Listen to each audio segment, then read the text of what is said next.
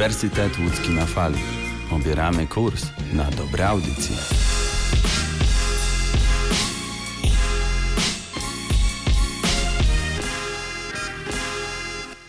Ach, ta dzisiejsza młodzież. Zero kultury. Dziadek, co ty gadasz? My jesteśmy kulturystami. Kulturyści w UE na fali. Sezon drugi. Halo, halo, cześć, witajcie, godzina 17, niedziela i jak zawsze niezmieniony skład kulturystów, czyli Wiktor Stańczyk. i Damian Zagórski. Co dzisiaj u nas? Muzycznie, sportowo i finansowo. Pogadamy o pieniądzach. A pieniądze zawsze są przyjemne. Zapraszamy. Zapraszamy. Muzyczne wydarzenie tygodnia.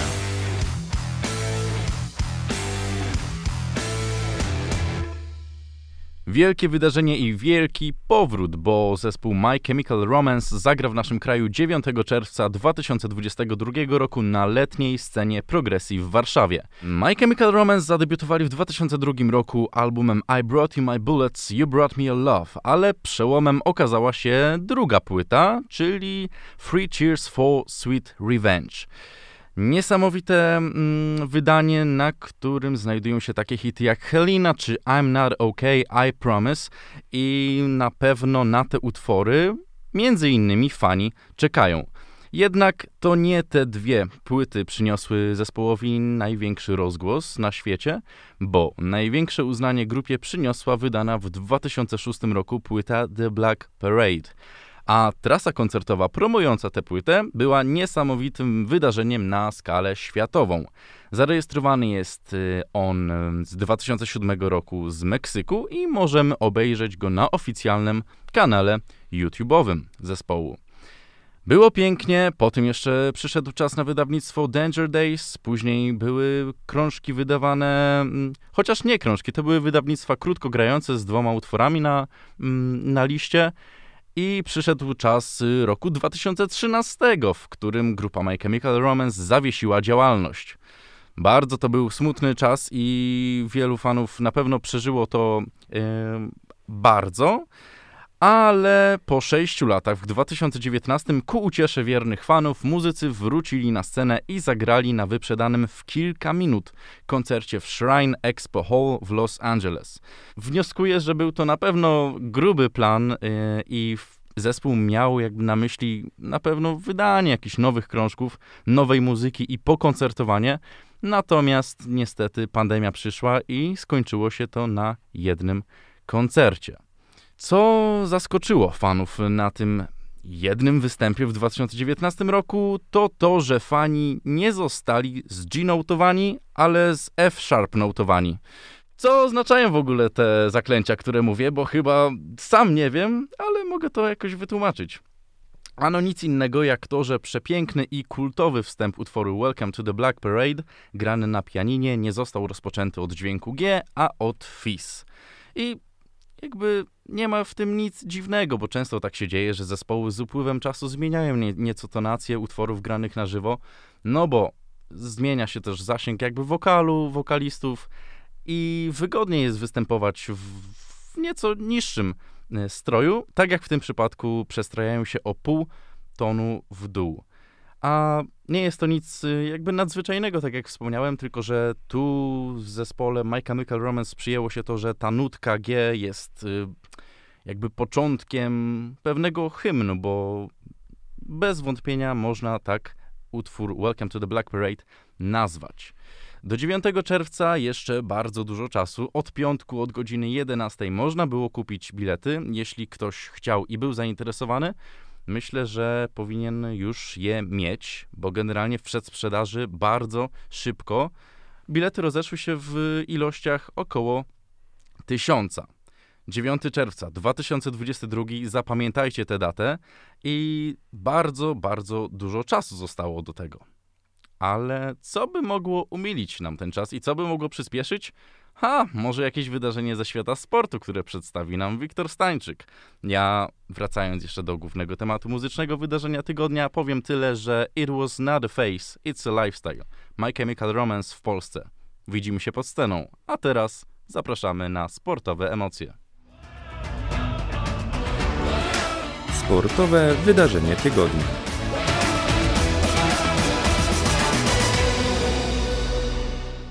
Jesteśmy w sportowym wydarzeniu tygodnia, a tak naprawdę w wydarzeniach, bo działo się dość sporo, ale oczywiście w jednej dziedzinie naszej ulubionej, przynajmniej mojej, czyli piłce nożnej. Zaczniemy od y, drużyn, które awansowały z fazy grupowej do fazy pucharowej Ligi Mistrzów.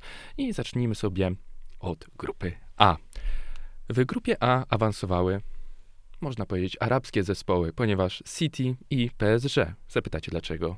Arabskie, ponieważ są one prywatną własnością po prostu arabskich inwestorów, czyli najbogatsze zespoły w grupie A awansowały.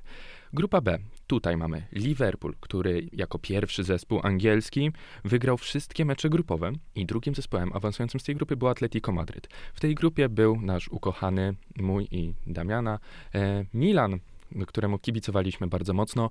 Niestety w ostatnim meczu Milan przegrał z Liverpoolem, no i pożegnał się nawet już z Ligą e, Europy. Ale kto wie, może to jest po prostu początek pięknej historii w europejskim futbolu, do którego Milan powrócił po wielu, wielu latach. Grupa C, tutaj Ajax i Sporting w, przeszły do fazy pucharowej, ale niespodzianką było odpadnięcie czy nieawansowanie do fazy Pucharowej Ligi Mistrzów przez Borussię Dortmund, która będzie grała w Lidze Europy, mimo że miała tyle samo punktów co Sporting Lizbona. Jednak Sporting miał lepszy, korzystniejszy wynik bramek, bilans bramek. Lećmy dalej. Grupa D to Real Madryt i Inter Mediolan. Wiesz, jakiegoś wielkiego zask- zask- zaskoczenia tutaj nie było. Zespoły grały pewnie, sprawnie i pokonały swoich rywali. Grupa E. Grupa E była dla nas dość emocjonująca, a to dlatego, że grał tutaj nasz Polak, ponieważ grał tutaj też Bayern Monachium. Bayern wygrał wszystkie mecze i w ostatnim spotkaniu w tym tygodniu odesłał Barcelonę do Ligi Europy. I to jest nie lada wyczyn, ponieważ ostatnie, ostatni taki wyczyn, kiedy to Barcelona grała w Lidze Europy, miał miejsce lata, lata temu. Kiedy Barcelona grała w Lidze Europy po raz ostatni, taki kultowy serial jak M jak Miłość wchodził dopiero na antenę. Także możemy sobie uzmysłowić, ile lat ma ten serial, ile, ile osób dorastało przy, przy, przy powstawaniu tego serialu, przy rozrastaniu się tego, tej produkcji i ile lat minęło od momentu, kiedy Barcelona po raz ostatni grała w Lidze Europy. No ale dobrze, wróćmy do, do tej grupy E. Bayern y, wygrywa i druga jest Benfica Lizbona. Wspomniana Barcelona trafia do Ligi Europy. Y, dalej mamy grupę F. Tutaj Manchester United i Villarreal. Co ciekawe, te dwie drużyny w tamtym sezonie rywalizowały razem ze sobą w finale Ligi Europy. I wtedy to Villarreal po rzutach karnych okazał się lepszy. I na koniec dwie ostatnie grupy. Grupa G.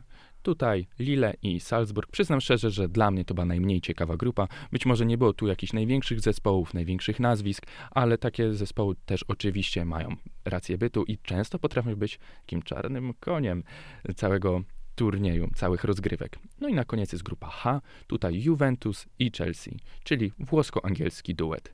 Jeśli jesteśmy przy piłce nożnej, to chciałbym zakomunikować, pewnie już sporo z Was o tym słyszało, ale przypomnę. Niestety Paweł Dawidowicz, Dawidowicz doznał poważnej kontuzji. Zerwał więzadła krzyżowe w kolanie i czeka go aż pół roku przerwy. A to oznacza, że prawdopodobnie, no, można powiedzieć prawie na pewno, nie zagra w marcowych barażach do Mistrzostw Świata w Katarze.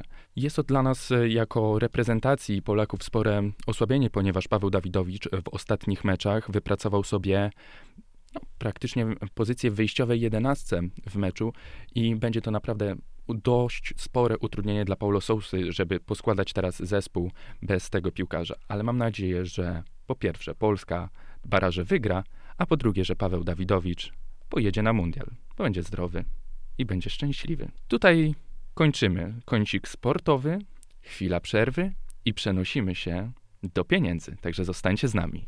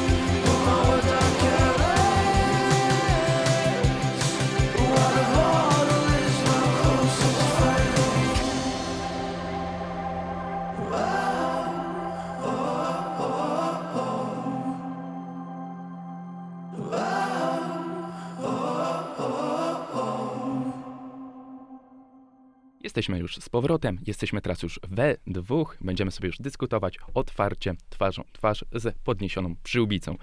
E, dzisiaj mówili, e, będziemy sobie mówić o pieniądzach, ale tak naprawdę o różnicach różnicach w cenach. Będziemy porównywali rok 2000 z naszym obecnym, czyli 2021. Wszystkie kwoty, które mamy z 2000 roku, czerpaliśmy z GUS-u.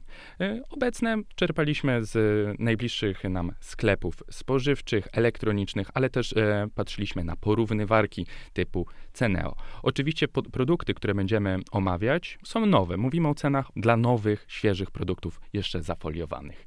I może, żeby rozpocząć, Damianie, podam pierwszy, pierwszy produkt i będziemy sobie tak kontynuować, będziemy się tak wymieniać. Raz ty, raz ja. Co ty na to? Tak zwany ping-pong informacyjny. Dokładnie. Uwielbiam. Zagram piłeczkę, ty odbijesz, przyjmiesz. Oczywiście.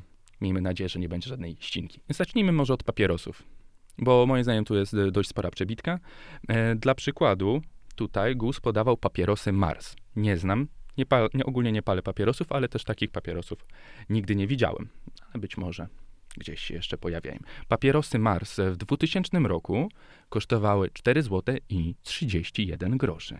Natomiast średnia cena papierosów obecnie to 18 zł i 13 groszy. To tak szybko licząc, to jest jakieś 14 zł różnicy.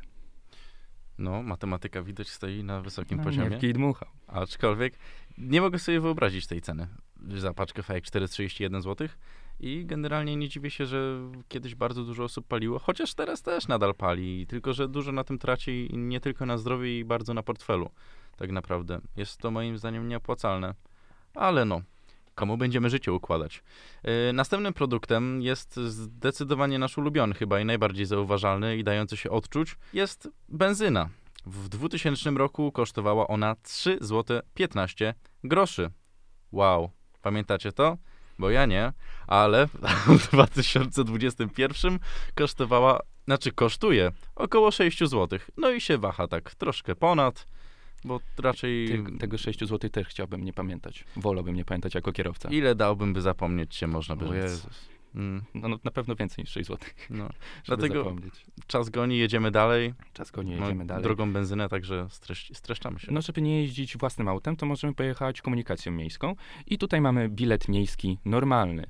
Uśredniona cena dla całego naszego kraju to złoty 54. E, Natomiast e, bilet normalny teraz tutaj w Łodzi to 3 zł, czyli dwukrotność. Odkąd zacząłem studiowanie w Łodzi, to generalnie przeżyłem chyba dwie albo trzy zmiany biletów. I to, na, I to nie to, że były tańsze, tylko rzeczywiście podrożały.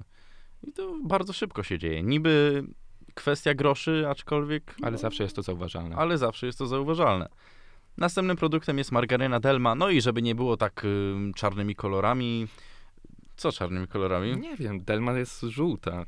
Rzeczywiście. Może nie chciałem tak, żeby było tak mrocznie i że kiedyś to było, a teraz to nie ma, bo na przykład margaryna Delma kosztowała w 2000 roku 3 zł 66 groszy, a w 2021 2,89. Natomiast teraz jest większy wybór tego no tak, produktu. no bo wyobraź sobie, wtedy mogli narzucać trochę inne ceny, no bo ten wybór był znacznie bardziej zawężony. Taki monopol posiadała margaryna Delma. No, znaczy, no, na pewno było masło, tak. No, mówię na pewno było, bo no, w 2000 dopiero się urodziliśmy, no ale masła, masła były.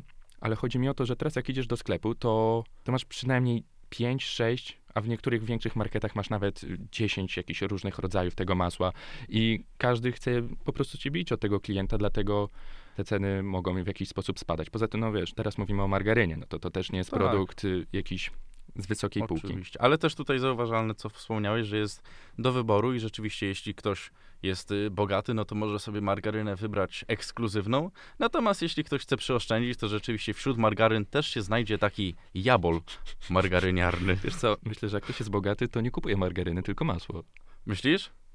No ale zawsze możesz sobie wybrać. Ja A może cię najdzie ochota. Ja specjalnie kupuję mniej ciasteczek, żeby kupić zwykłe masło. Żeby nie jeść margaryny. Chyba, że dla mojej babci kupię margarynę, jak robi murzynka.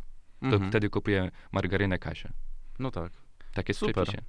Super. Aż mi, cię, aż mi ślinka cieknie. No ale Musisz już... mnie zaprosić kiedyś. A to zapraszam. Dobra. W takim razie, jak już pojedliśmy tej margaryny, no to trzeba teraz się umyć i uprać nasze ciuszki. To, to co, to taki brudny akt? Jedzenie margaryny i trzeba się No umyć jesteś tłusty wtedy? A, utłuszczony. a to z środka bardziej. od wewnątrz. ale na pewno ci skapło. Na Dobrze, niech skapnie z twych ust wiedza, którą chcesz przekazać. Przeleję, obleję cię tą wiedzą. Oblej. E, proszek do prania 0,6 kg w 2000 roku kosztował około 5 zł i 43 grosze. Obecnie za tę samą wagę musimy zapłacić około 9 zł. Mycie się po prostu Drożeje. drożeje. Ale tego jeszcze dowiedziemy, bo będziemy mówili na przykład o kosztach zużycia wody. Ale to za jakiś czas. Tak. Ale generalnie mycie się drożeje, bo mycie się jest w cenie. Polecamy. No tak. Warto się umyć. Zwłaszcza jak musimy tu siedzieć razem w zamkniętym, szczelnym studiu. Mm. No ale jak siedzimy razem, to może by wypadało coś zjeść. No i na przykład w 2000 roku paczkę kaszy kupilibyśmy za 97 groszy. Wow, można coś kupić za mniej niż złotówkę. Przypominają mi się czasy, kiedy przychodziło się z dwoma złotymi po gumi, gumy kulki, Pepsi i jakieś tam chipsy. No takie niezbyt drogie, pewnie typu top. No ale rzeczywiście, były top i można było się obkupić. A teraz ile za kaszę byśmy zapłacili? Teraz za kaszę około 2 złotych. Dwukrotność. Dwukrotność. Ale wiesz, bo tak mówisz, że jak tu sobie siedzimy, popraliśmy, pojedliśmy też margaryny, wyobrażam sobie nas siedzących tutaj z kaszą. Zamiast, nie wiem, jakiegoś chrupka czy jakiegoś owoca, no to siedzimy sobie z kaszą. No ty dzisiaj kaszę jadłeś. No tak, No, na pysznej, e, wspaniałej stołówce. która znajduje się na Wydziale Filologicznym. Zapraszamy. Ulicy Wspaniałe dania. w Łodzi. I świeże. E, lećmy dalej. I jak już sobie tutaj siedzimy, no akurat my w naszym studiu nie mamy telewizora, ale jest monitor obok, przy, obok naszej szefowej. To powiedzmy sobie, ile kosztował telewizor. E, GUS podawał cenę dla telewizora 21 cali. No, na obecne standardy to jest mały pikuś, ale wtedy to już to było coś. Otóż wtedy ten telewizor kosztował 948 zł i 58 groszy. E, Tworząc naszą listę, skupiałem się na tym, żeby szukać podobnych artykułów. No ale teraz ciężko znaleźć telewizor 21 cali, bo niekiedy monitory do komputera są większe. No ja mam nawet większy monitor niż 21 cali. Dlatego wpisałem taką cenę, około 950 zł. I co za to możemy dostać? Otóż za tę samą cenę możemy dostać telewizor HD 32 cale. No to słuchaj, to lepiej. No lepiej, no ale Więcej za mniej. to... No tak. Dobrze Raczej więcej w tej samej cenie. O, rzeczywiście, no tak. Ale Masz to rację. przez rozwój technologii, tak, no to trochę się już upowszedniło. Kiedyś jak ktoś miał plazmę, to ale masz plazmę. A teraz, o, też masz plazmę. Albo nawet nic nie mówisz, bo to jest normalne. Tak. To już nie jest rarytas. To już jest norma. To już jest norma. W większości. No i co, poruszaliśmy się już samochodami.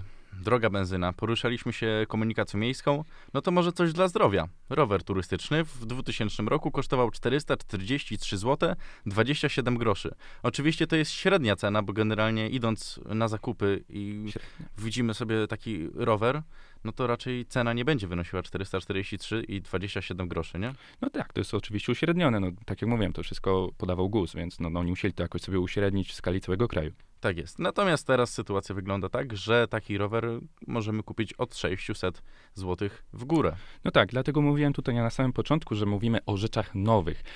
Wiadomo, możemy sobie gdzieś popatrzeć na jakieś aukcje, na przykład na Allegro, Elixie i tak dalej. Tam też praktycznie są rzeczy nowe, tylko to nie sprzedają już sklepy, tylko osoby, które gdzieś na przykład dostały taki rower, wygrały, ale chcą się go pozbyć. No i faktycznie teraz czasami e, mamy po prostu więcej możliwości, po pierwsze w sklepach, bo jest większy wybór, więcej produktów, jest więcej sklepów, ale też jest e, bardzo dużo sprzedawców internetowych. Nawet na, czy na Facebooku, czy na Instagramie możesz czasami nawet znaleźć ofertę sprzedaży jakiegokolwiek produktu. Dlatego no, trochę nam jest, myślę, łatwiej coś kupić. Może nie sprzedać, ale kupić. Chociaż z drugiej strony, jak masz taki duży wybór, to też nie jest tak fajnie. Bo nie wiesz w sumie, na co się zdecydować. Czy margaryna za dwa, czy za trzy, a może masło za sześć. Czyli jednak tutaj w kontrze do od przybytku głowa nie boli, bo jednak trochę może No rozboleć. co za dużo, to niezdrowo mimo wszystko. No i tak. No dobrze, Następny przykład jest bardzo ciekawy. mówisz? No Tak. No tak, bo będziemy mówić o żelazku z nawilżaczem. I takie żelazko w 2000 roku kosztowało mniej więcej 154 zł i 18 groszy. Natomiast e, przygotowując naszą tabelę, nasze wyliczenia, takie żelazko możemy kupić obecnie od 40 zł w górę. No, no wiadomo, kwestia wykonania marki, no, producenta. No ale no tutaj, no panie kochany, jaka obniżka? Obniżka. Trzykrotnie. To też Ponad. już się stało takim produktem powszechnie posiadanym, nie? Żelaz, żelazko i jakieś tam parowe, czy jakieś tam jakieś inne. Hmm. Są różne. Ja się na tym jakoś bardzo nie znam, przyznam szczerze. Bardziej bym skłaniał się ku kupnie nie wiem, nowego roweru. Mhm. Rzeczywiście, majątku nie trzeba wydać, żeby zdobyć takie coś. I tak jest z następnym przykładem, bo na przykład odtwarzacz y, osobisty CD. Taki Discman. Discman. Za 723,14 groszy. A teraz, w 2021, można zdobyć taki od 130 w górę. Dlaczego? No bo jest to przykład, y, znaczy, no wiesz, wybrałem to, bo jest przykład archaiczny. Ja jeszcze pamiętam erę Discmanów, no już nie Walkmanów, a Discmanów i bardzo namiętnie słuchałem piosenek i, i płyt na, na takim urządzeniu, ale no wiesz, teraz każdy ma telefon. Już nawet te MP3, MP4 raczej odchodzą do, do lamusa i słuchamy wszystkiego w sieci. Wiesz, nawet nie łączymy się słuchawkami z telefonem, wszystko jest bezprzewodowe, wszystko jest w eterze. I takie Discmany, no jeśli ktoś bardzo lubi, no to wiadomo, by sobie coś takiego za, zapoda, ale chciałem po prostu pokazać, jak to wszystko się zmienia. Kiedyś, jak ktoś miał Discmana, no po prostu rządził na dzielni. A teraz kupujesz sobie to za 130 zł, co przy obecnej inflacji nie wydaje się dużą kwotą, bo 130 zł to nie wydaje się naprawdę wielką kwotą. Ja No. czasem jak idę na zakupy i ty kupuję sobie takie produkty pierwszej Potrzeby. potrzeby, potrzeby na dzień, dwa, czy może nawet trzy i stówka to jest No, w ten sposób. Just like that. poniżej stówki naprawdę nie ma, nie ma jak wyjść czasem z marketów. No a wracając jeszcze do odtwarzacza mm, CD, no to generalnie teraz y, kto sobie kupuje taki sprzęt? No raczej koneserzy. No bo teraz Tak.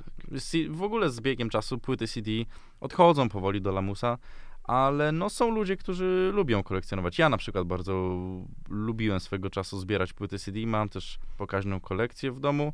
Natomiast no i tak, jeśli chodzi o słuchanie muzyki, to wybieram formę taką internetową, przenośną, czy sobie słuchawki podłączyć do telefonu, czy do jakiegoś tam innego medium, w którym No można Tak po posłuchać prostu muzyki. jest najłatwiej. Mm, Niektórzy nawet na TikToku słuchają muzyki, no ale dajmy to. No to nieważne. Każdy niech robi, co uważa za Oczywiście. słuszne. Lećmy dalej. Kurs na prawo jazdy. Ty masz prawo jazdy? Tak. No, ja też mam prawo jazdy. Otóż w 2000 roku za takie prawo jazdy średnio byśmy zapłacili 662 zł. Natomiast y, obecnie, i to jest w zależności od miasta i szkoły, możemy zapłacić za taki kurs z 1500 nawet do 3000 zł. Ile płaciłeś? Wiesz, że nie pamiętam? Ja coś Naprawdę. koło dwójki chyba. Coś koło dwójki. No ale na pewno nie było to tanie. No już y, jakiś tani samochód można, co to było. Generalnie tak. Generalnie tak. No. No ale takie mamy czasy, no. Idziemy dalej i na przykład y, tutaj widać bardzo wzrost cen, bo przejdę już do takiego giganta, do wody zimnej za metr sześcienny. W 2000 roku za metr sześcienny wody zimnej zapłaciliśmy, znaczy zapłacilibyśmy złoty 52. Natomiast w 2021 i to jest y, w województwie łódzkim około 9,34. No kochani ludzie, No to co mówiłeś. Drogie mycie. Bardzo drogie mycie. bardzo drogie mycie. Natomiast mimo to warto wa- przeoszczędzić na innych rzeczach, a nie na myciu. Na przykład na kaszy. Albo na margarynie. Albo na margarynie. Tak Jeszcze. jest. W ogóle nie, jej nie jeść. Ale jeśli mówimy o takich wzrostach dość drastycznych, ja się na przykład zdziwiłem, bo butla z gazem. Ja na przykład, mieszkając jeszcze w swoim poprzednim domu, y, nie było gazu podciągniętego przy mojej ulicy i mieliśmy normalną butlę gdzieś pod, y, pod jakąś szafką czy obok pieca. Y, W 2000 roku za taką butlę z gazem y, 11 kg płaciliśmy 2 zł 62 grosze. Obecnie ta cena waha się od 60 do 100 zł. Nie rozumiem, to jest niepojęte. Niepojęte. To jest no, gigantyczna, kolosalna różnica. Między 30 a 50 razy. Mm. Straszne są te ceny i miejmy nadzieję, że z miesiąca na miesiąc będą już spadały. I w, może w przyszłym roku, może przyszłe święta chociaż będą taniej i będziemy mogli sobie sprezentować nie margarynę, a masło i nie jedną paczkę, a dwie kaszy jaglanej czy, czy jakiejś innej. Tymczasem za darmo i odpowiedniej jakości muzyka dla naszych uszu i za chwilę zakończenie.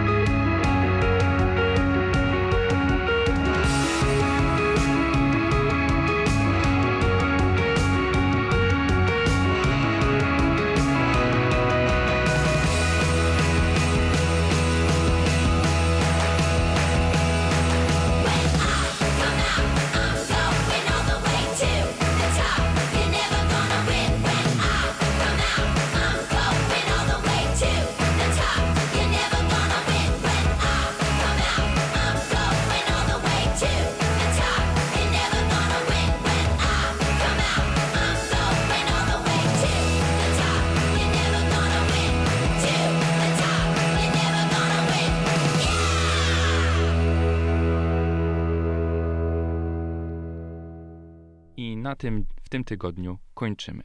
Jak co tydzień mamy dla Was słowo na niedzielę, które przedstawi tym razem Damian Zagórski. Święta zbliżają się wielkimi krokami, a jak święta to prezenty. Jak prezenty to pieniądze, a jeśli nie macie pomysłów na prezenty dla swoich najbliższych, to generalnie chcemy podzielić się z wami taką myślą, że warto się badać i gdy wybierzecie się do lekarza i zbadacie się, to nie dosyć, że zrobicie prezent swoim bliskim, ale także sobie, bo w święta tak naprawdę to nie prezenty są najważniejsze, ale zdrowie, które umożliwia nam spędzenie tego czasu razem. bo to jest najważniejsze, żebyśmy byli razem szczęśliwi i w zdrowiu. Oczywiście też się pod tym podpisuję.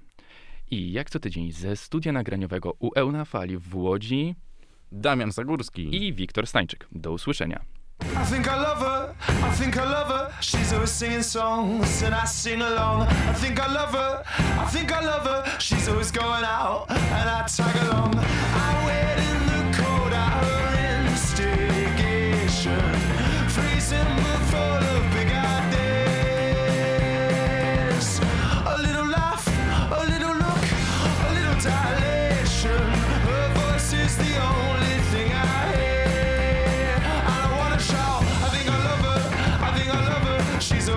songs and I sing along. I think I love her, I think I love her. She's always going out and I tag along.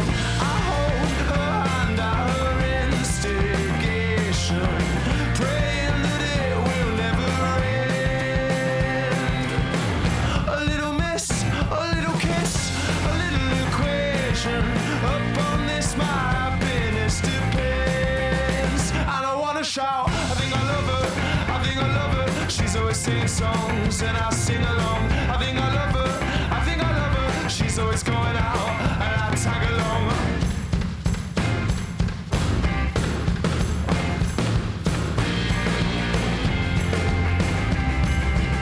It makes me wanna shout. I think I love her. I think I love her. She's always singing songs and I sing along.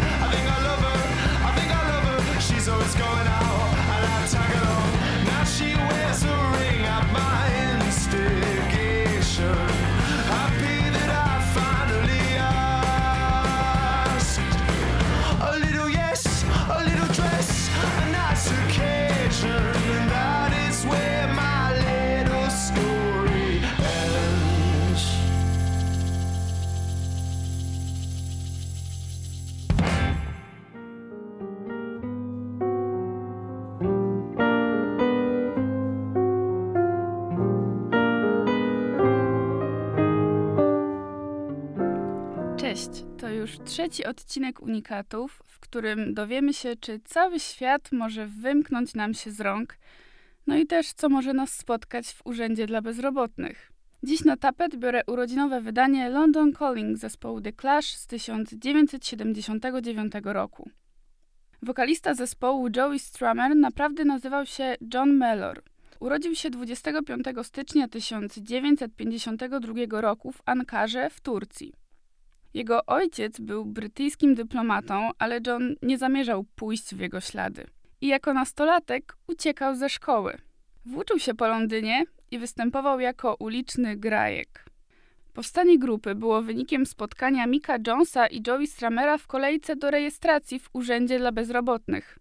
Obaj byli pod wrażeniem muzyki amerykańskiej grupy Ramones i też pragnęli grać rocka.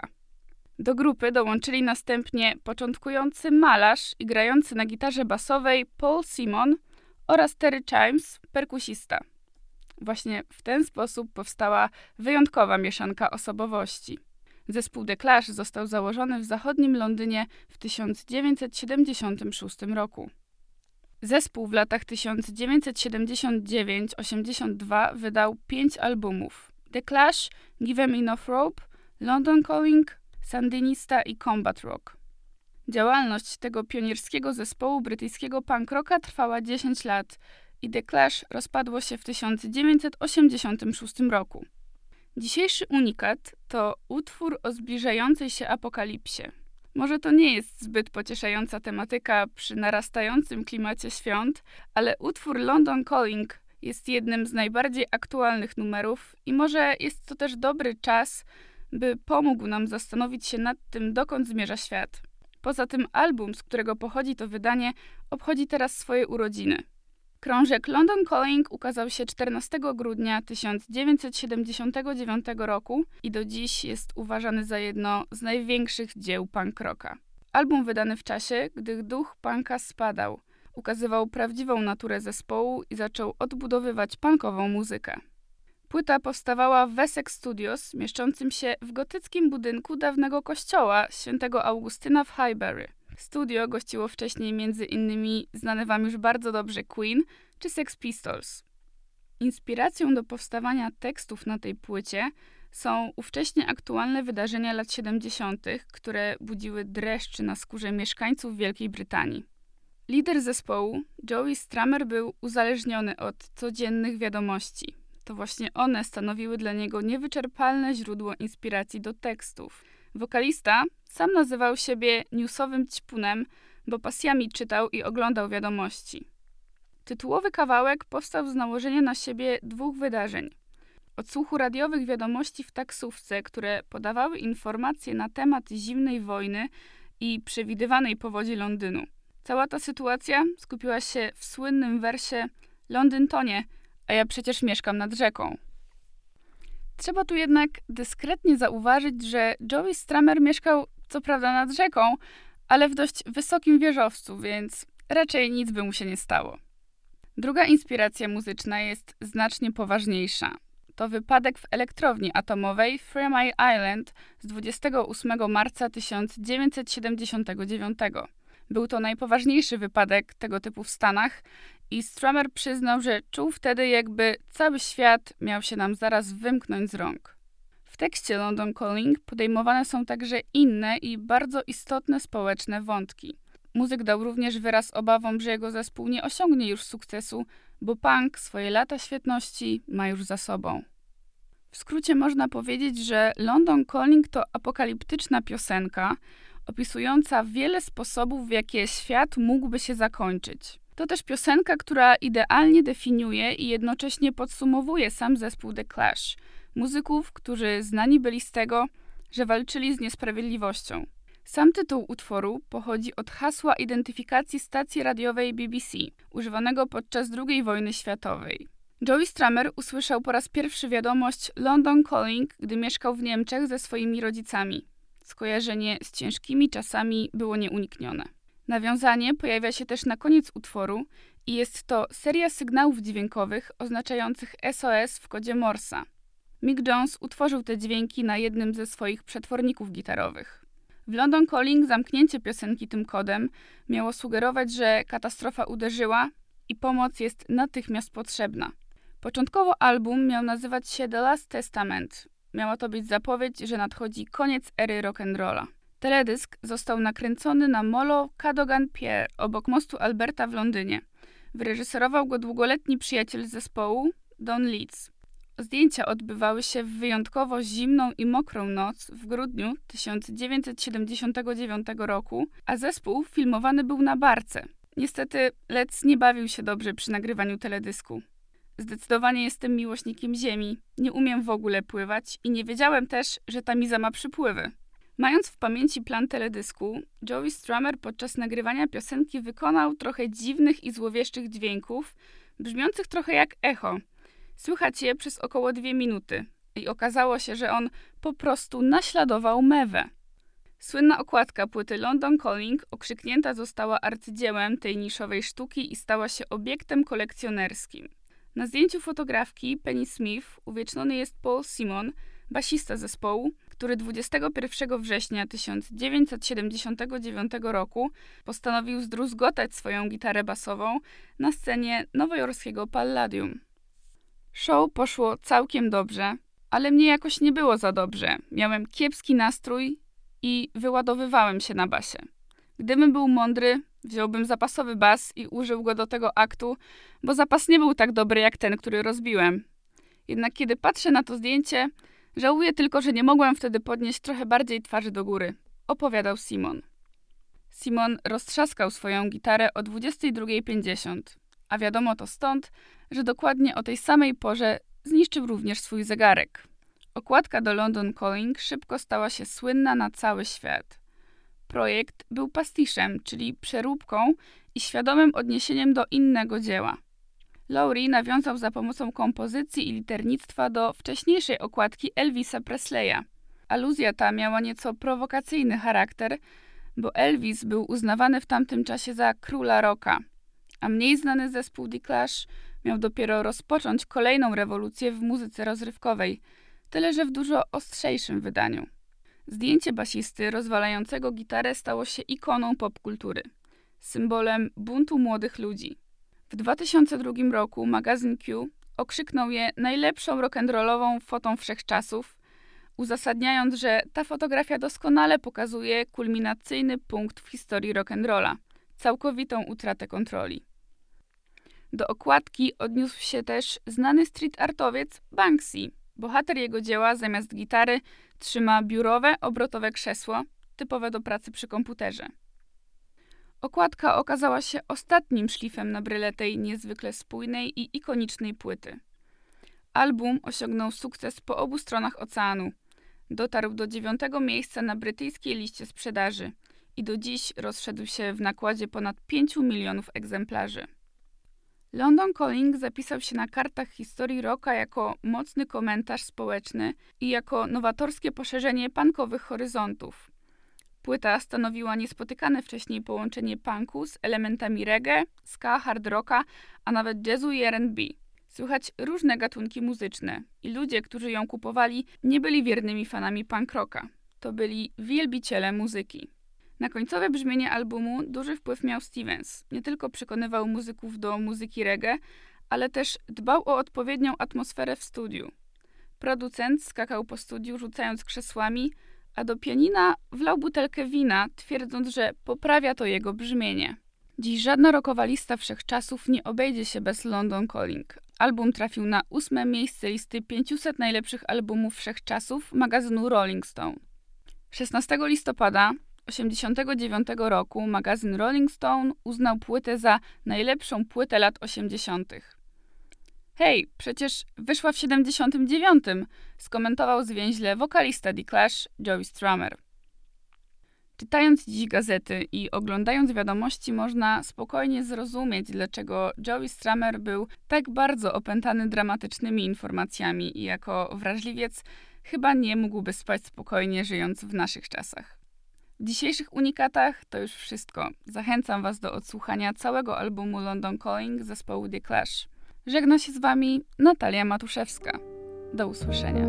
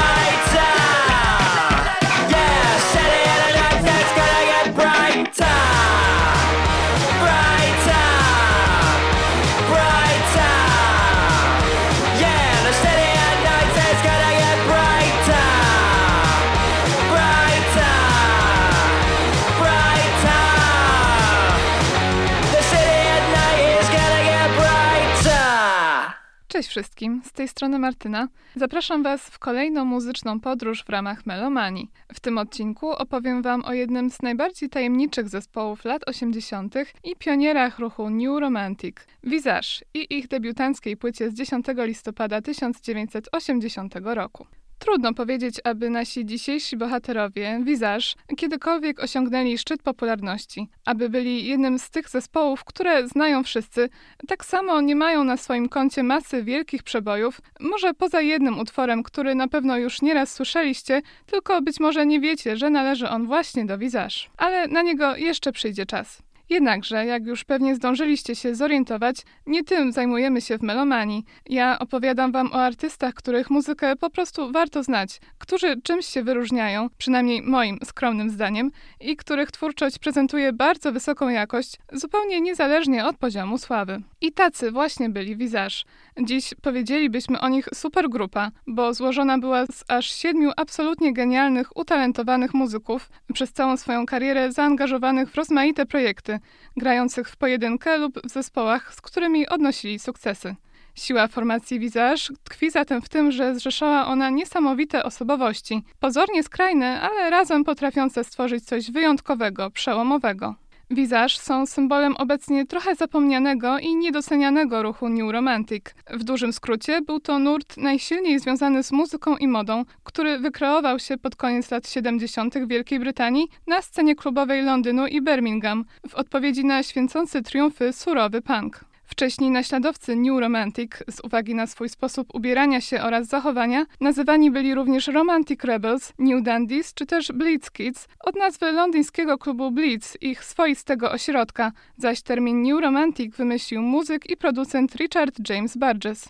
New Romantics inspirowali się stylem artystów glam rockowych, takich jak David Bowie, Roxy Music czy Mark Bolan z T-Rex. Zestawiali go z romantyzmem z przełomu XVIII i XIX wieku, tak zwanym stylem wiktoriańskim, starym Hollywood i cyrkowym popartem. W efekcie nosili ekstrawaganckie, androgeniczne ubrania, którym towarzyszyły bogate dodatki i mocny makijaż. New Romantic stał się popularny wśród zespołów muzycznych obok Visage takich jak Adam and the Ants, Spandau Ballet, Culture Club, Japan, A Flock of Seagulls czy Classic Nouveau, w pewnym stopniu także The Human League i ABC. W rezultacie wykształciły się muzyczne cechy gatunkowe New Romantic, odpowiadające charakterystyce twórczości powyższych artystów. Wielu z nich grało synthpop. Przestrzegam jednak przed używaniem zamiennie terminów synthpop i New Romantic, bo wbrew temu, co czasem się mówi, to zdecydowanie nie jest to samo. Ponadto łączyli elektronikę z stawkami orkiestrowymi lub glam rockowymi, a melodie były, można powiedzieć, kosmiczne, groźne. W tekstach zaś przyjmowali postawę eskapistyczną w reakcji na problemy społeczno-polityczne polityczne, opisywali też swoje rozterki miłosne w tragiczny bądź wyidealizowany sposób. W artykule poświęconym New Romantics w Classic Pop Magazine przeczytałam takie ładne zdanie, że oni wbrew pozorom nie uciekali od rzeczywistości, oni ją kreowali na nowo, po swojemu. Oczywiście o New Romantic można byłoby mówić jeszcze bardzo długo, lecz ten krótki opis wystarczy, aby zyskać podstawowe pojęcie o realiach środowiska, z jakiego wywodzą się Visage, na których skupię się już teraz. I mówiąc o Visage, należy zacząć od przybliżenia życiorysu jednej z najbardziej kolorowych postaci lat 80., a to naprawdę godne podziwu osiągnięcie, wiedząc jak kolorowe były całe lata 80. Człowiek, o którym mówię, to Steve Strange. Steve Strange, nazywany pierwszym pankowcem Walii, urodził się w 1959 roku w walijskim Newbridge jako Stephen John Harrington. Od najmłodszych lat interesował się sztuką w różnej postaci muzyką, malarstwem, teatrem czy performancem. Kariera muzyczna zamarzyła mu się po koncercie Sex Pistols, na który wybrał się jako siedemnastolatek i to właśnie z punk rockiem związał swoje pierwsze kroki w branży. Zajmował się organizacją koncertów punkowych kapel w swoim rodzinnym mieście. Magnetyczna osobowość i ekstrawagancki styl szybko przyniosły mu sporo znajomych, również wśród znanych muzyków. Zaprzyjaźnił się m.in. z Jean-Jacques'em Burnellem, czyli basistą The Stranglers, oraz Malcolmem McLarenem. W pierwszym zespole Strange'a grali zaś na przykład Chrissy Hind, czyli przyszła liderka The Pretenders, czy Topper Hidden, w niedalekiej przyszłości perkusista kultowych The Clash. Mimo, że długo nie zdobywał rozgłosu jako muzyk, Strange był jedną z najpopularniejszych osobowości w artystycznych i klubowych kręgach Londynu. Wszystko dlatego, że pracował w nocnym klubie Billy's w dzielnicy Soho, a następnie w prestiżowym Blitz w Covent Garden. Jako taki, można powiedzieć, gospodarz, to znaczy zajmował się tak naprawdę wszystkim. Organizacją imprez, zapraszaniem artystów na występy, ale też decydował, kogo można wpuścić do środka i podobno bardzo surowo oceniał gości, przede wszystkim pod względem ubioru.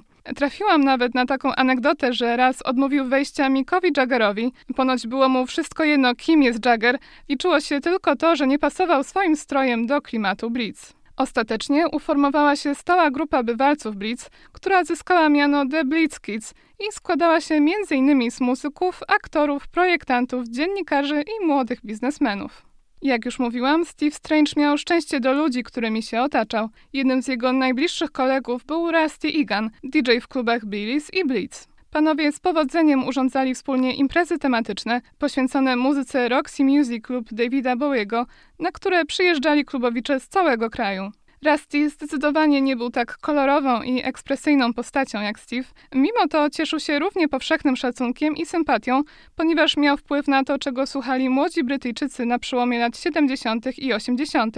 Był w dużej mierze odpowiedzialny za zapoznanie ich z muzyką elektroniczną i twórczością np. Briana Eno, Ultravox czy Landscape, a także najważniejszych przedstawicieli elektroniki spoza kraju, takich jak niemiecki Kraftwerk czy japoński Yellow Magic Orchestra. Ponadto prowadził swój własny sklep z płytami The Cave. Tym samym przyczynił się w pewnym stopniu w ogóle do powstania nurtu New Romantic i przeniesienia sceny klubowej do mainstreamu.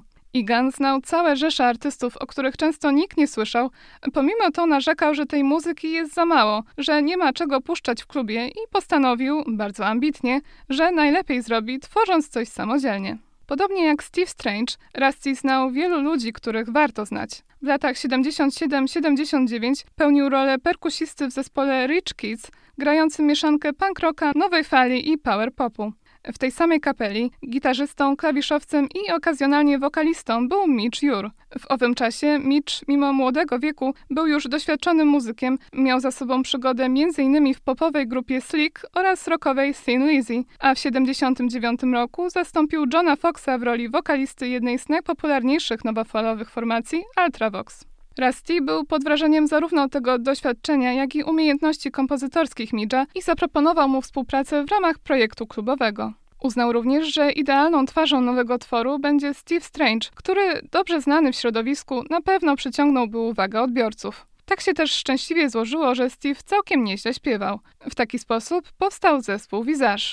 Nietypowa nazwa to zasługa Strange'a. Jak możemy przeczytać w jego autobiografii Blitzed, przedrostek Wiz symbolizował skupienie na aspekcie wizualnym. Wiza oznacza, że muzykom marzyła się globalna sława, zaś końcówka Ash czy też Age odnosi się do nowej ery w muzyce, jaką Visage zamierzali zainicjować swym przełomowym brzmieniem.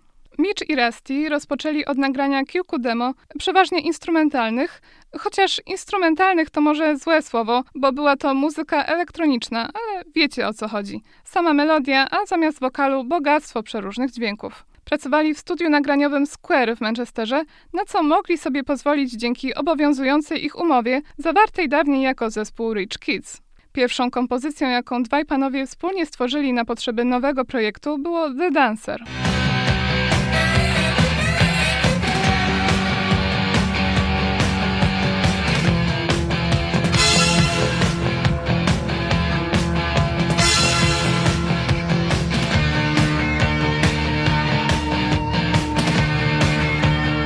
Jak możecie usłyszeć, utwór jest bardzo złożony, a opiera się na tanecznym bicie. Jego elektroniczną surowość przełamują wstawki gitarowe. The Dancer, ostatecznie niezrealizowany jako singiel, wkrótce trafi na debiutancką płytę Visage i wskaże kierunek dalszego rozwoju brzmienia zespołu. We wczesnych etapach działalności Visage Mitch Jur zwerbował swojego kolegę z Ultravox, Billy'ego Kerry. Następnie siedmioosobowy skład uzupełnili gitarzysta John McGeoch, klawiszowiec Dave Formula i basista Barry Adamson, którzy grali razem w postpunkowej formacji Magazine. Szybko też powstał pierwszy autorski materiał Visage, który Rusty Egan ochoczo serwował swoim klubowiczom. Dzięki temu jednocześnie urozmaicał playlistę oraz zdobywał pierwszych słuchaczy. Pewnej nocy w klubie Billy's nagrania Visage usłyszał producent Martin Rushent, najbardziej znany ze swej pracy z The Human League, The Stranglers i Buzzcocks. Tak mu się spodobały, że zaprosił muzyków do własnego studia Genetic, aby tam nagrali płytę w profesjonalnych warunkach i pod jego pieczą. Wynegocjował im też kontrakt z nowo powstałą, niezależną wytwórnią Radar, należącą do jego znajomego. Pierwszym rezultatem tego wydarzenia był debiutancki singiel Visage pod tytułem Tar, który ukazał się 7 września 1979 roku.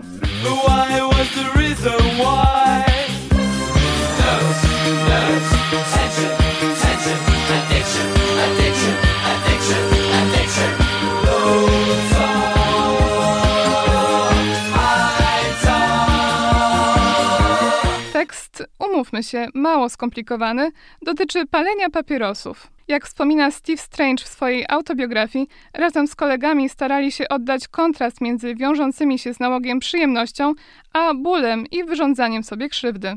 Słowa niewątpliwie świetnie trafiały do ówczesnej młodzieży. Muzycznie w piosence dominują wyznaczniki gatunkowe elektroniki, synth-popu i techno. Wokale Strange'a i wspomagającego go w chórku Jura są zniekształcone, korelując z bardzo wysokimi dźwiękami, takim jak gdyby plumkaniem, które dopełnia surowy beat. Mamy też symbole lat 80. Syntezator styka się z gitarą i saksofonem, a wszystko, choć skrajnie różne, jakimś dziwnym trafem do siebie pasuje. Tar okazał się pierwszym i zarazem ostatnim singlem wydanym za pośrednictwem wytwórni Radar. Piosenka nie odniosła sukcesu, nie udało jej się nawet dostać na krajową listę przebojów, zaś sama firma wkrótce zbankrutowała. Visage wciąż jednak istnieli w świadomości ludzi z branży jako zespół o sporym potencjale, przykładający wagę do jakości produkcji, a przy tym bardzo tajemniczy, wyróżniający się na tle innych artystów. Do ich muzyki wciąż bawiły się setki klubowiczów.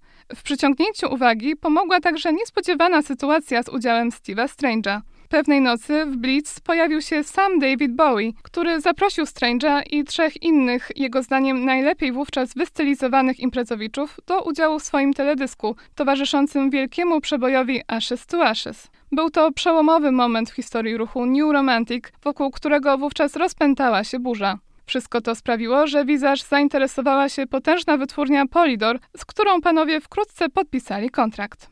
Album Visage kompletowano przez kilka miesięcy, korzystając z należącego do Rashenta studia Genetic w Reading. Na półkach sklepowych pojawił się 10 listopada 1980 roku nakładem Polydor Records. W Wielkiej Brytanii pokrył się srebrem, trafiając na 13 miejsce cotygodniowego notowania albumów. Najlepiej radził sobie w RFN, gdzie dotarł na sam szczyt listy, i we Francji, gdzie uplasował się na drugim miejscu. Poza dopracowaniem każdej pojedynczej piosenki, Visage chcieli, aby całość od początku do końca brzmiała jak DJ-ski set. Musiała więc być spójna i składać się ze ścieżek ułożonych w odpowiedniej kolejności, tak aby jedna przechodziła płynnie w drugą, zaś po kilku szybszych, głośniejszych numerach następowały momenty wyciszenia, kiedy to klubowicze, oczywiście w domyśle, mogliby trochę odpocząć lub zatańczyć wolniej.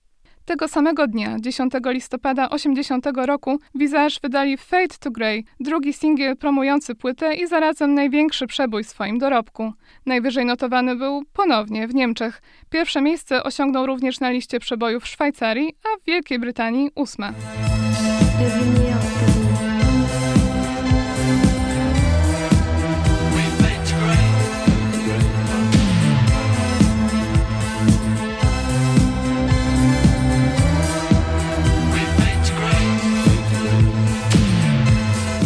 Historia Fade to Grey sięga 79 roku, kiedy to Billy Carey brał udział w trasie koncertowej Garego Newmana jako muzyk sceniczny. Podczas próby sprzętu przypadkiem udało mu się zagrać na syntezatorze interesujący beat, ten, który słyszymy jako bazę w finalnej wersji utworu. Chris Payne, który również pracował wówczas u Garego Newmana, pomógł mu dograć do niej linię basu, a powstałą kompozycję panowie zatytułowali Toot City.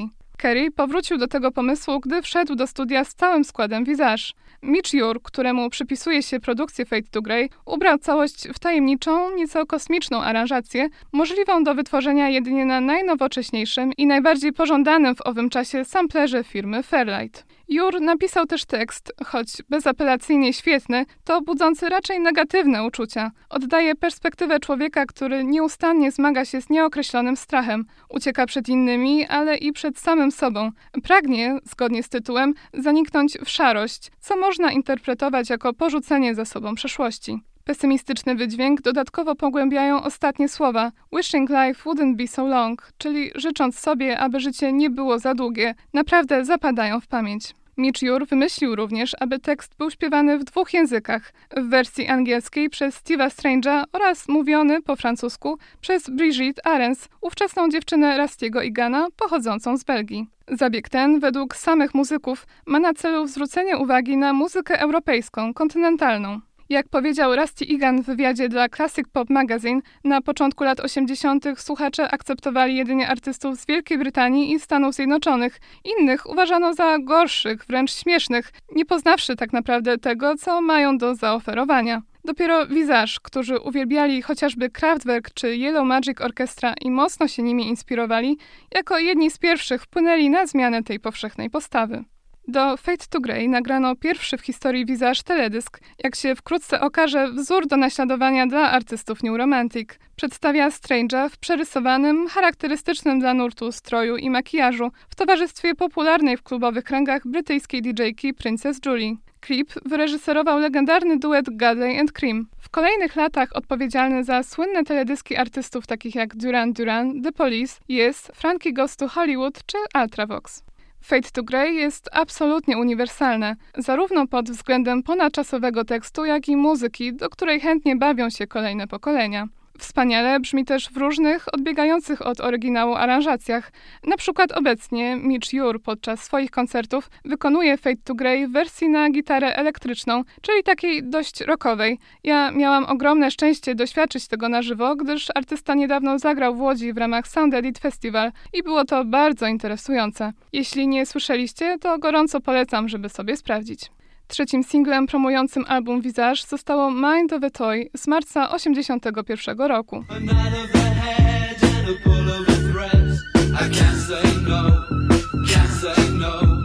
Jest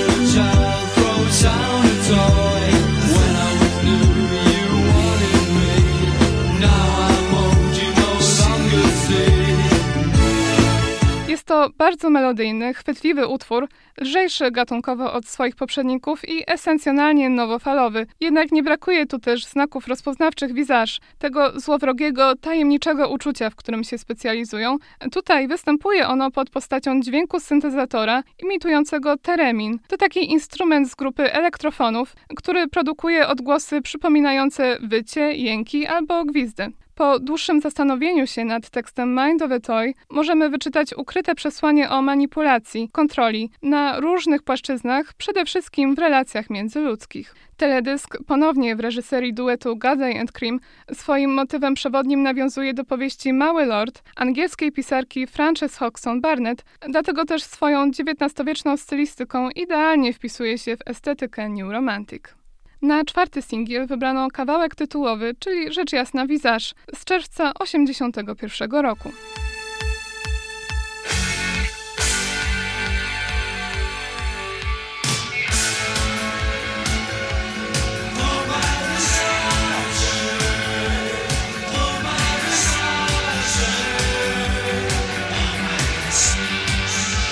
Visage otwiera album i tym, którzy zagłębiają się w niego od początku do końca, ja się zgadzam, że tak właśnie powinno się słuchać dobrych płyt, przedstawia zespół i jego manifest. New styles, new shapes, new modes słyszymy w pierwszych słowach. Jest to równoznaczne z odcięciem się od konkurencji, od poprzednich pokoleń artystów, sięganiem po przyszłość i tworzeniem jej własnoręcznie. Muzycznie mamy tutaj nowofalową kombinację fantazyjnych, lekkich dźwięków z syntezatora z momentami dość ciężkimi gitarami. Trudno nie oprzeć się wrażeniu, że bardzo przypomina to twórczość Ultravox z pierwszej połowy lat 80., czyli kiedy liderem zespołu był Mitch Jur. Można więc przypuszczać, że to on i Billy Kerry mieli największy wpływ na brzmienie tej kompozycji. Co ciekawe, Jur ponadto wyreżyserował do niej teledysk, który przedstawia nagrania z typowej nocy w klubie Blitz, świątyni New Romantics. Pomijanym przez niektóre źródła, piątym i ostatnim singlem z krążka Visage został utwór Moon Over Moscow, przeznaczony na rynek japoński.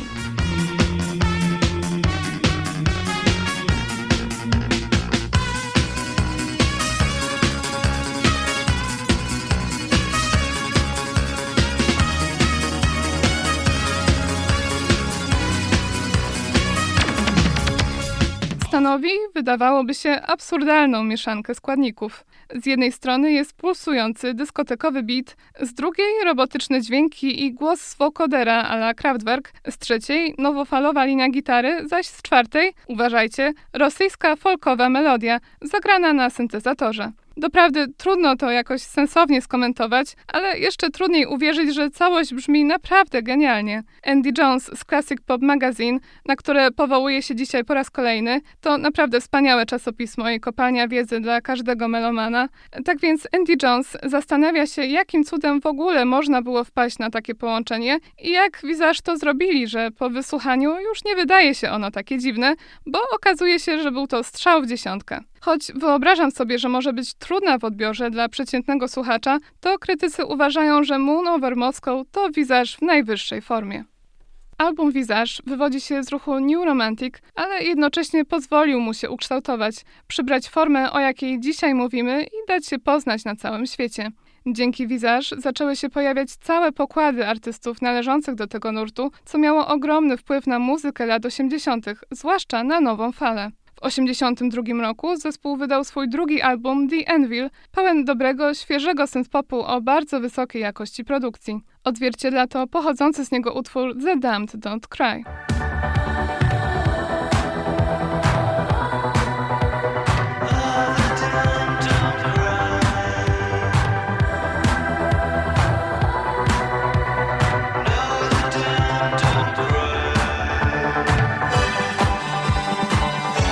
Na tym niestety skończyły się najlepsze czasy dla Visage. W tym samym roku kolegów opuścił Mitch Jur, aby skupić się w pełni na działalności w Ultravox. Grupa ta, z nim w roli lidera, zaczęła odnosić ogromne sukcesy, zapoczątkowane w 1980 roku legendarną płytą Wiena i pochodzącym z niej tytułowym przebojem.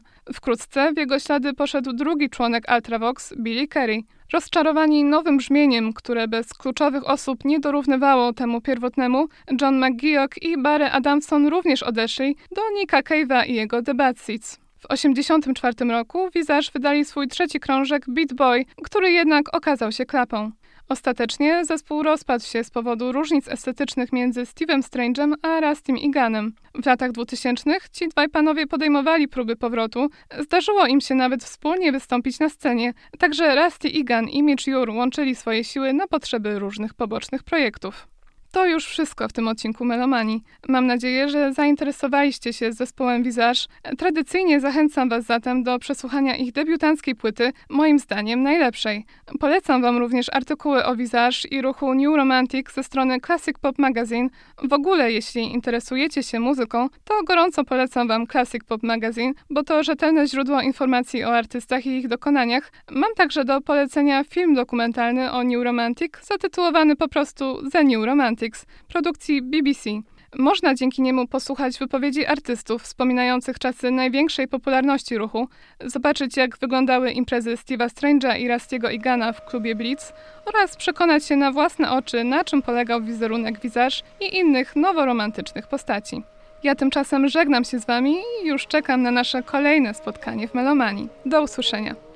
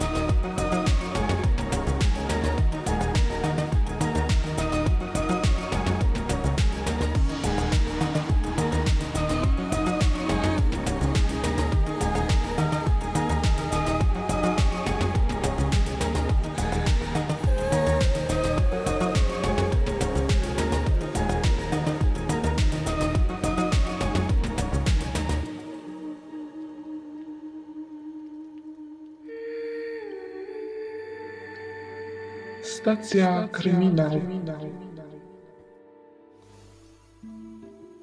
Witam Was wszystkich bardzo serdecznie w kolejnym wydaniu Stacji Kryminał. Przygotowałam dzisiaj dla Was wyjątkowo tragiczną historię, do której musiałam wyjątkowo długo się zbierać. Żeby było też ciekawiej, to na koniec podam Wam kilka źródeł, z których czerpałam inspirację i które popchnęły mnie do nagrania tej historii. Nie przedłużając, zapraszam Was do wysłuchania o zbrodni połanieckiej. Jest 24 grudnia 1976 roku. W małej wsi e, Połaniec trwa właśnie pasterka. Biorą w niej udział m.in. mieszkańcy wsi Zrębino, którzy udali się na nią autobusem, a wśród nich Stanisław i Krystyna Łukaszek oraz jej brat Mieczysław Kalita. Msza przebiega spokojnie, nic wyjątkowego się nie dzieje, aż w pewnym momencie do kościoła wchodzi Zofia, siostra cioteczna Krystyny i Mieczysława. Informuje rodzeństwo, że ich ojciec właśnie wrócił do domu i awanturuje się z matką. Takie małe tło sytuacyjne, żeby nakreślić Wam, dlaczego ta informacja jest wyjątkowa i dlaczego ktoś musiał im ją przekazać. Wacław Kalita mm, wyprowadził się jakiś czas temu od żony i od dzieci. Panował między nimi pewien konflikt i małżeństwo postanowiło przez jakiś czas być w separacji, o ile taką wyprowadzkę można nazwać separacją. Wacław spędzał ten czas u swojej matki i kontakty między małżeństwem nie były zbyt dobre. Dlatego właśnie, kiedy rodzeństwo usłyszało, że doszło do awantury, to chciało jak najszybciej zażegnać ten konflikt i pojawić się tam. Rodzina Łukaszków i Mieczysław wychodzą z kościoła i wchodzą do autobusu, który czeka na placu, który przywiózł ich na tą pasterkę. Pytają kierowcy, czy mógłby podwieźć ich do Zrębina, co jest dość racjonalną prośbą, bo Zrębino sąsiaduje z Połańcem i zajęłoby mu to kilka minut, a trzeba nadmienić, że Krystyna była w piątym miesiącu ciąży, więc taka podróż przez śnieg w nocy po prostu nie była zbyt komfortowa i zajęłaby więcej czasu. Ale kierowca autobusu kategorycznie odmawia, jest nawet niegrzeczny dla tej rodziny, a oni nie widząc innego wyjścia postanawiają, że wrócą do domu na pieszo.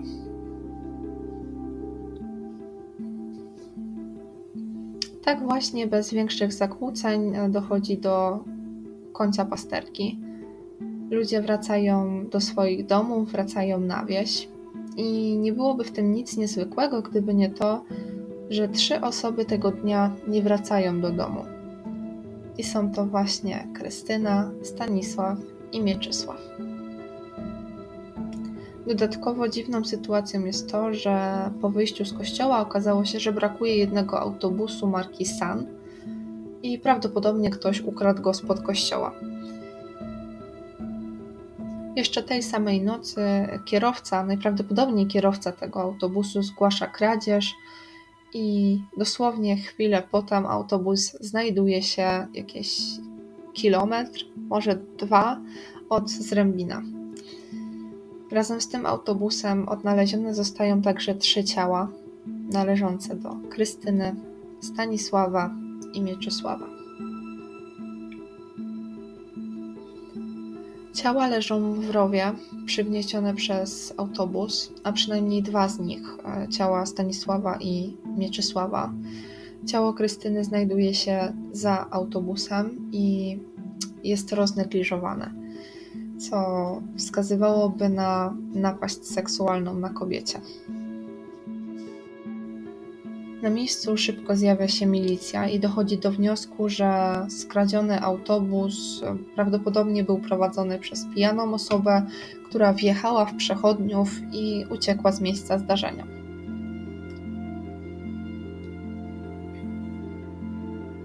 Nic nie wskazuje na to, że w tym miejscu stało się coś dziwnego. O ile niczym dziwnym można nazwać śmierć trzech osób w wigilijną noc. Ciała wyjątkowo szybko trafiają do kostnicy, a tam sekcję przeprowadza lekarz amator. Młody mężczyzna, który ma za sobą jakieś praktyki lekarskie i prawdopodobnie pełni zawód lekarza, dokonał sekcji zwłok, chociaż nie był do tego uprawniony. Mało tego, mm, podczas tej sekcji śledczy, prokurator, jakaś osoba prawna, która razem tam z tym lekarzem była, prosiła, żeby nie masakrować, nie męczyć bardziej tych ciał, ponieważ już teraz są w złym stanie, że rodzina i tak będzie w szoku, gdy je zobaczy. A skoro to wypadek i mają pewność, że to wypadek samochodowy, to nie ma sensu bardziej makabrować, masakrować tych ciał.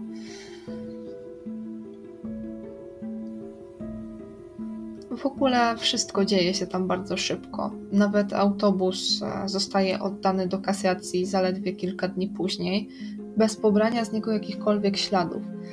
Właśnie tak wielką pewność, że to jest wypadek, posiadają wszyscy, którzy tam się znajdują.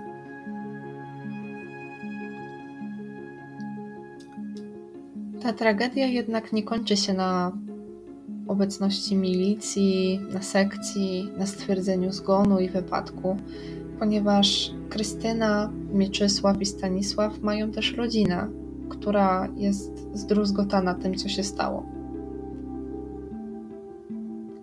Wacław Kalita, czyli ojciec Krystyny i Mieczysława oraz teść Stanisława, postanawia razem ze swoją siostrą i bratem udać się do kostnicy, żeby zobaczyć ciała swoich dzieci. To jest bardzo trudny widok dla ojca. Widzi powyginaną Krystynę i Mieczysława, którego mózg leży obok niego. Tą trudną sytuację powiększa też fakt, że ktoś w kostnicy informuje Wacława, że osoby ubierane do trumny często mają nałożone nacięte ubrania tak żeby łatwiej było je ubrać, to nakłada się te ubrania tylko na wierzch i podsuwa pod plecy. Wacław nie może na to pozwolić i jest zdecydowany, że sam ubierze swoje dzieci do trumny, ale nie jest w stanie tego zrobić. Pomaga mu więc siostra, która potem wielokrotnie wypomina mu, że tak poświęciła się dla niego i zrobiła to dla niego, że ubrała swoich, swojego bratanka i bratanicę do trumny. Tak właśnie rozgrywa się cicha tragedia w domu Kalitów. Pogrzeb nie jest duży, chociaż pojawia się na nim większość wsi. Płacz pani Zdzisławy do tej pory wspomina wielu mieszkańców, którzy pamiętają te wydarzenia. Ale chyba ciężko nie wspominać płaczu matki, która właśnie straciła wszystkie swoje dzieci i nienarodzonego wnuka. W tym czasie trwa też śledztwo milicji, która szuka złodzieja autobusu. Jest to jednak śledztwo bez większych skutków, ponieważ milicjanci nie mają żadnego tropu. Autobus został skasowany, ofiary wypadku nie żyją, a świadków nie ma.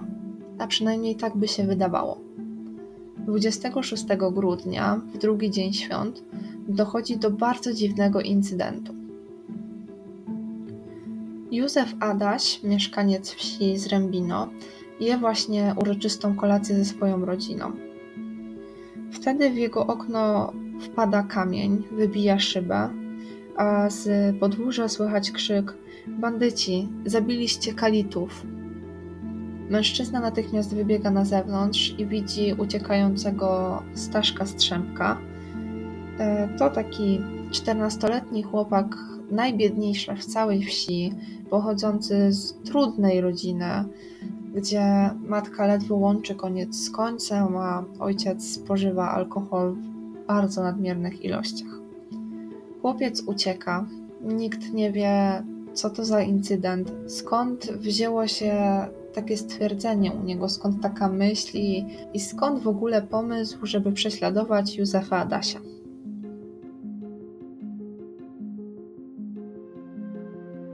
Wiele osób tłumaczy sobie to tym, że Mieczysław, 13-letni Mieczysław, był najlepszym przyjacielem Stasia. I śmierć przyjaciela tak zdruzgotała młodym Stanisławem, że po prostu nie mógł sobie poradzić z tymi emocjami. Dzieje się jednak coś dziwniejszego, ponieważ e, Stasiem zaczyna się interesować Jan Sojda. A Jan Sojda nie jest tu przypadkową postacią i nie jest postacią zwykłą. Jan Sojda nazywany jest bowiem królem Zrębina. A to dlatego, że posiada traktor i telefon, co w latach 70. w małej polskiej wsi, ale nie tylko, jest naprawdę wyjątkowym stanem majątkowym. Szczególnie ten telefon, bo nawet sołtys tej wsi nie posiadał telefonu. W wielu miastach ciężko było telefon, a Sojda właśnie takie urządzenie posiadał. I kluczowy był też ten traktor, jedyny w całej wsi, który tak naprawdę całej tej wsi służył, ponieważ Sojda często użyczał go sąsiadom i znajomym, aby praca w polu szła szybciej. Każdy wiedział, że warto mieć dobre kontakty z Sojdą, ponieważ kiedyś był ławnikiem, o czym często wspominał, co miało mu nadawać takie niezwykłe kontakty z prawem, ale przede wszystkim Jan Sojda był po prostu niezwykłym człowiekiem dla tej wsi, często przez mieszkańców nazywany nawet Bogiem. On rozsądzał różne konflikty, był weterynarzem, dentystą i bardzo nowatorskim rolnikiem, bo on sadził jakieś bardzo nowoczesne odmiany ziemniaka, o których ludziom się wtedy jeszcze nie śniło, a on już je miał i nawet dzielił się sadzonkami. I jakkolwiek teraz to może brzmieć błaho i głupio, to Jan Sojda dla tych ludzi był wszystkim.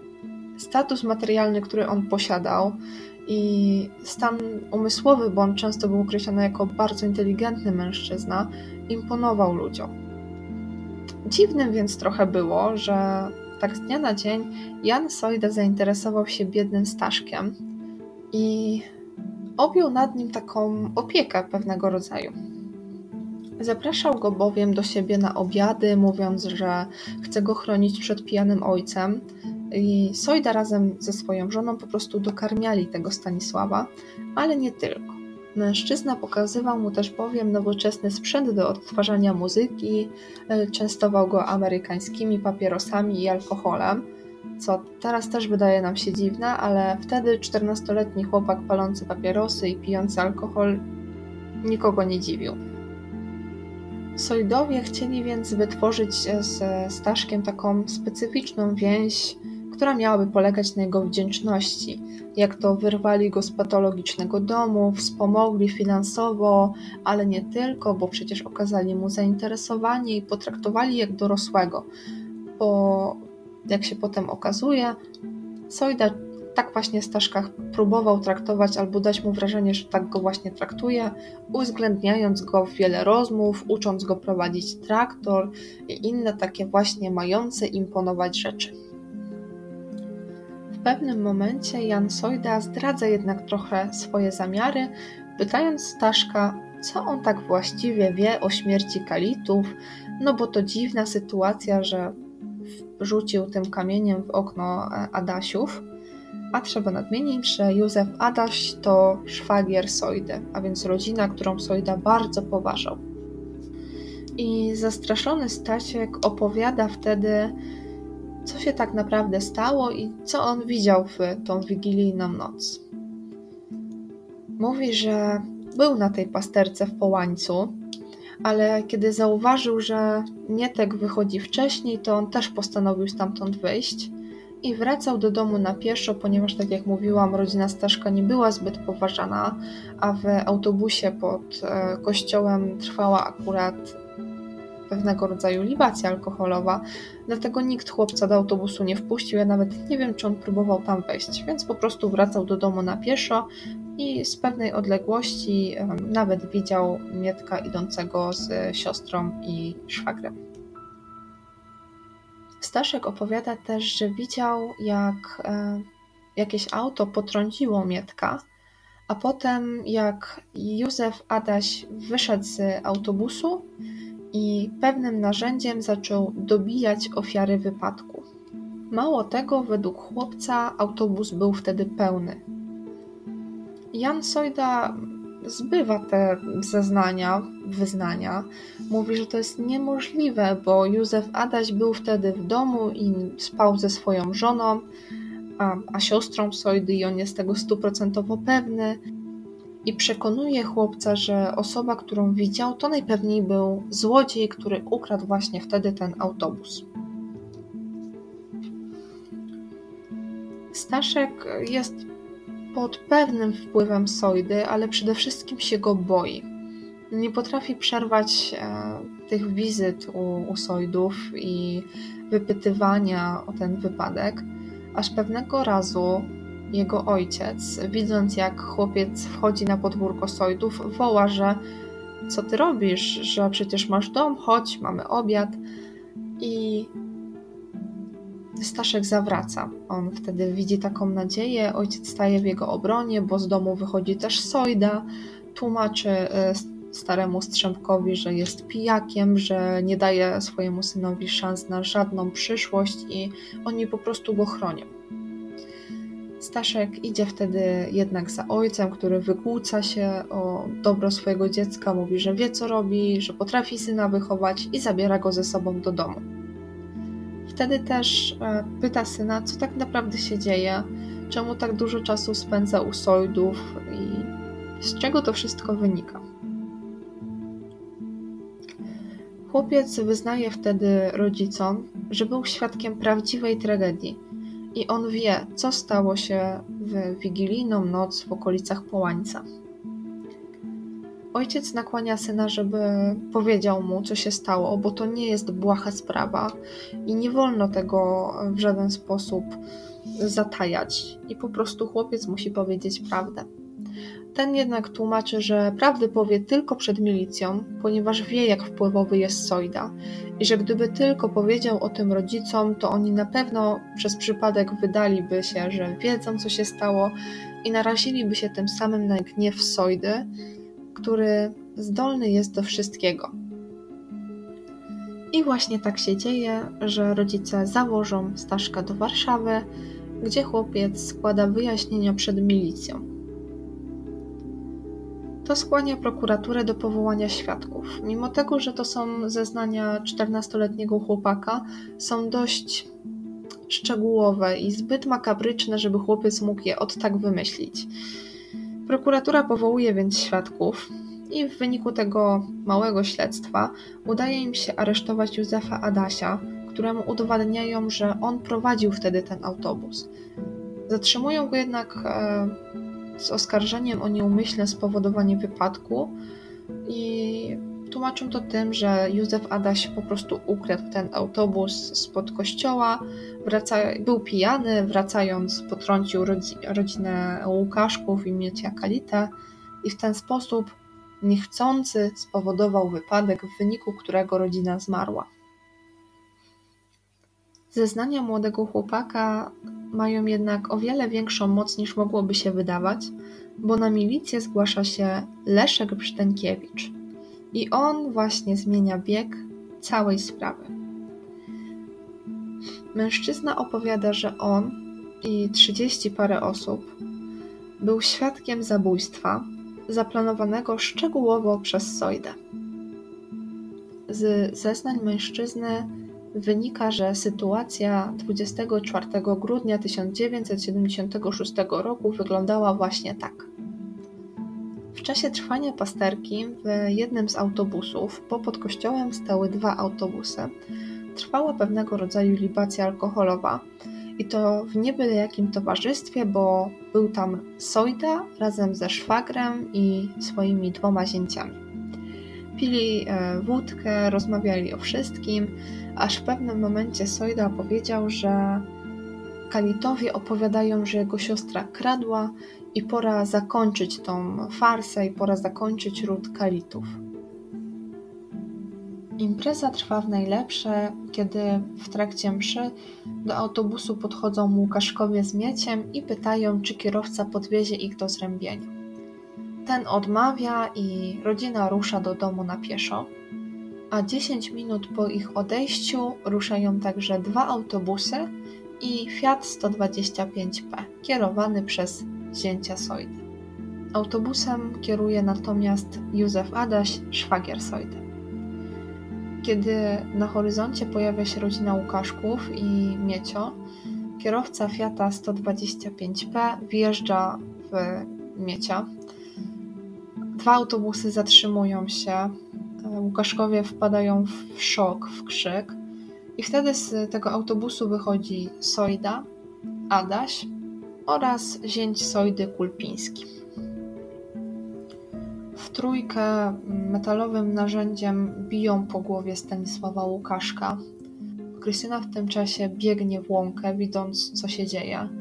Niestety już po chwili dopada ją jeden z mężczyzn i tym samym narzędziem zadaje jej wiele ciosów, doprowadzając tym samym do jej śmierci. Sojda zauważa jednak, że e, mały Miecio wciąż żyje i wydaje z siebie okropne okrzyki bólu, leżąc na środku drogi. Dlatego Sojda postanawia nakierować swojego zięcia, aby ten fiatem najechał młodemu Mieciowi na głowę. Rodzina ginie na miejscu, ale to nie jest koniec tej tragedii. Sojda razem ze szwagrem i zięciami zbierają ciała i wkładają je do autobusu. Przewożą kilka kilometrów, metrów dalej i pozorują miejsce wypadku. Ustawiają ciała Stanisława i Mieczysława w rowie i przygniatają je autobusem, a ciało Krystyny ustawiają za nim i pozorują gwałt. Po całym zdarzeniu Sojda z rodziną wsiadają z powrotem do autobusu i razem z pełnym autobusem ludzi wracają na pasterkę, aby każdy miał alibi. Niestety to nadal nie jest koniec tej tragedii, ponieważ w autobusie dochodzi do bardzo dziwnego rytuału. Sojda podaje wszystkim e, krzyżyk i nakłuwa ich palce agrawką, zmuszając ich do przysięgi na krew i na krzyż, że nikomu nigdy nie powiedzą o tym, co miało tu miejsce. I o dziwo te 30 parę osób godzi się na to. Nie mówię, że bez problemu, bo pewnie kilka albo kilkanaście osób miało jakieś sumienie. Musiało myśleć, że, że to nie jest w porządku, ale ta ideologia tłumu i pozycja, jaką zajmował Sojda, chyba zrobiły swoje, bo ta przysięga naprawdę obowiązywała przez bardzo długi czas. Tak czy siak wszyscy wrócili na pasterkę, aby mieć alibi. Niektórzy weszli z powrotem do kościoła, inni udali się do swoich rodzin, aby potem mieć potwierdzenie, co robili w tym czasie. Po zakończeniu mszy wszyscy jak gdyby nigdy nic wracają do domów i zaczynają ogromną zmowę milczenia. Zeznania Brzdękiewicza pozwalają rozpocząć już poważne i ogromne śledztwo. Niestety to na niewiele się zdaje, ponieważ pomimo powołania wielu świadków i już poprzedniego zatrzymania Józefa Adasia, milicji i prokuraturze nie udaje się nic ustalić, ponieważ nikt nie chce nic zeznawać. A może nawet nie tyle, co nie chce, co po prostu zeznaje fałszywie przez co śledztwo tkwi w martwym punkcie. To, że coś jest nie tak, udowadnia jednak fakt, że kilka dni później Leszek Brzdękiewicz zostaje odnaleziony martwy i jego śmierć to jakieś jedne wielkie tajemnicze okoliczności, ponieważ nikt nie wie w jaki sposób zginął, więc w aktach sprawy istnieje więc w aktach sprawy określono jego śmierć jako śmierć z przyczyn naturalnych, jakieś nagłe zasłabnięcie, atak serca. Nikt nie podejrzewa zbrodni. O ironię, to co pomogło ruszyć śledztwo, to anonimy, które otrzymuje prokuratura. Zawarte w nich są nie tyle zeznania, co mm, zaskarżenia o to, że e, uprasza się prokuraturę, aby prosiła rodzinę Kalitów, aby przestali terroryzować wieś swoją żałobą i żeby nie oskarżali bez powodu Sojdów, którzy przecież są niewinni, i żeby po prostu Kalitowie przestali wprowadzać zamęt, bo jeśli nie, to skończą tak samo jak ich dzieci. Prokuratura wzywa więc kolejnych świadków, trwają przesłuchania, ale wieś kryje Sojdów. Jak jeden mąż, wszyscy zeznają to samo, że nie wiedzą, że to wypadek, że jak to tragedia, że Sojdowie to tacy porządni ludzie i przecież przez myśl by im nie przeszło, żeby komukolwiek zrobić krzywdę, szczególnie Kalitom, bo przecież to kuzynostwo. Mało tego, nawet babcia ofiar, Wiesława Kalita, chroni e, Sojdów, utrzymując mowę milczenia, czym zszokowany jest Wacław Kalita. Udaje się pewnego dnia do matki, która opowiada mu, że pod jego nieobecność był u niej Jan Sojda i za butelkę wódki pomógł ich krowie się ocielić, a tak w ogóle to jest bardzo dobry człowiek i, i dał jej jeszcze jakieś porady na temat uprawiania ziemi i ona bardzo prosi Wacława, żeby on nie gadał nic na Sojda w prokuraturze, a Zdzisława, jego żona, żeby nie chodziła na milicję, bo terroryzuje Sojdów, przez co wprowadza konflikt w rodzinie. A przecież właśnie tym są, dalekim kuzynostwem. Wacław jest zrozpaczony reakcją matki. Pytają, jak w ogóle może tak mówić?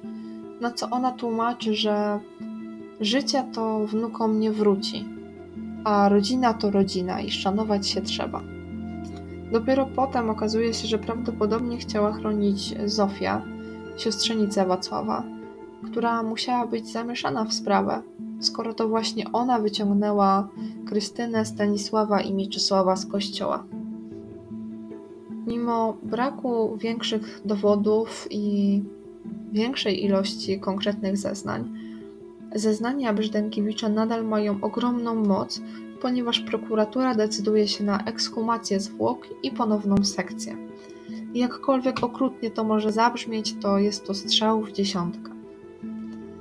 Profesjonalnie tym razem przeprowadzona sekcja wskazuje, że potrącenie nie było przyczyną śmierci, a obrażenia są zbyt głębokie, żeby mogły być przypadkowe.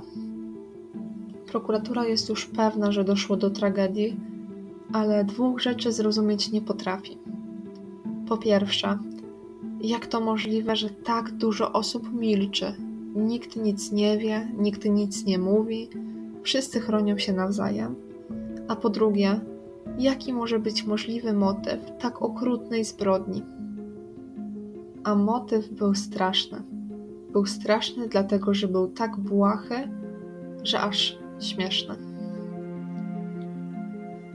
Wszystko zaczęło się jeszcze w czasach wojennych, powojennych, kiedy to mm, Jan Sojda został oskarżony o zgwałcenie pewnej pasterki i milicja szukała go wtedy wszędzie, on się ukrywał, nie zgłosił się do odsiedzenia wyroków i wtedy e, niejaki Roy zgłosił policji, gdzie on się znajduje, że przebywa w tym zrębinie, że się ukrywa i w ten sposób właśnie milicja aresztowała Jana Sojdę i ten odsiedział kilkumiesięczny wyrok.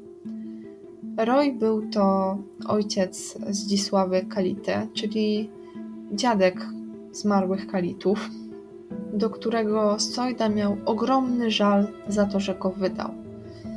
Potem e, pojawiła się też jakaś sytuacja, że Sojda chciał zabić jakiegoś niesfornego psa, ale przypadkiem jego kolega postrzelił syna tego Roja, brata Zdzisławy, w wyniku czego ten zmarł. To jest dość niejasna historia i nawet nie potrafię jej do końca przywołać. W każdym razie konflikt był ogromny.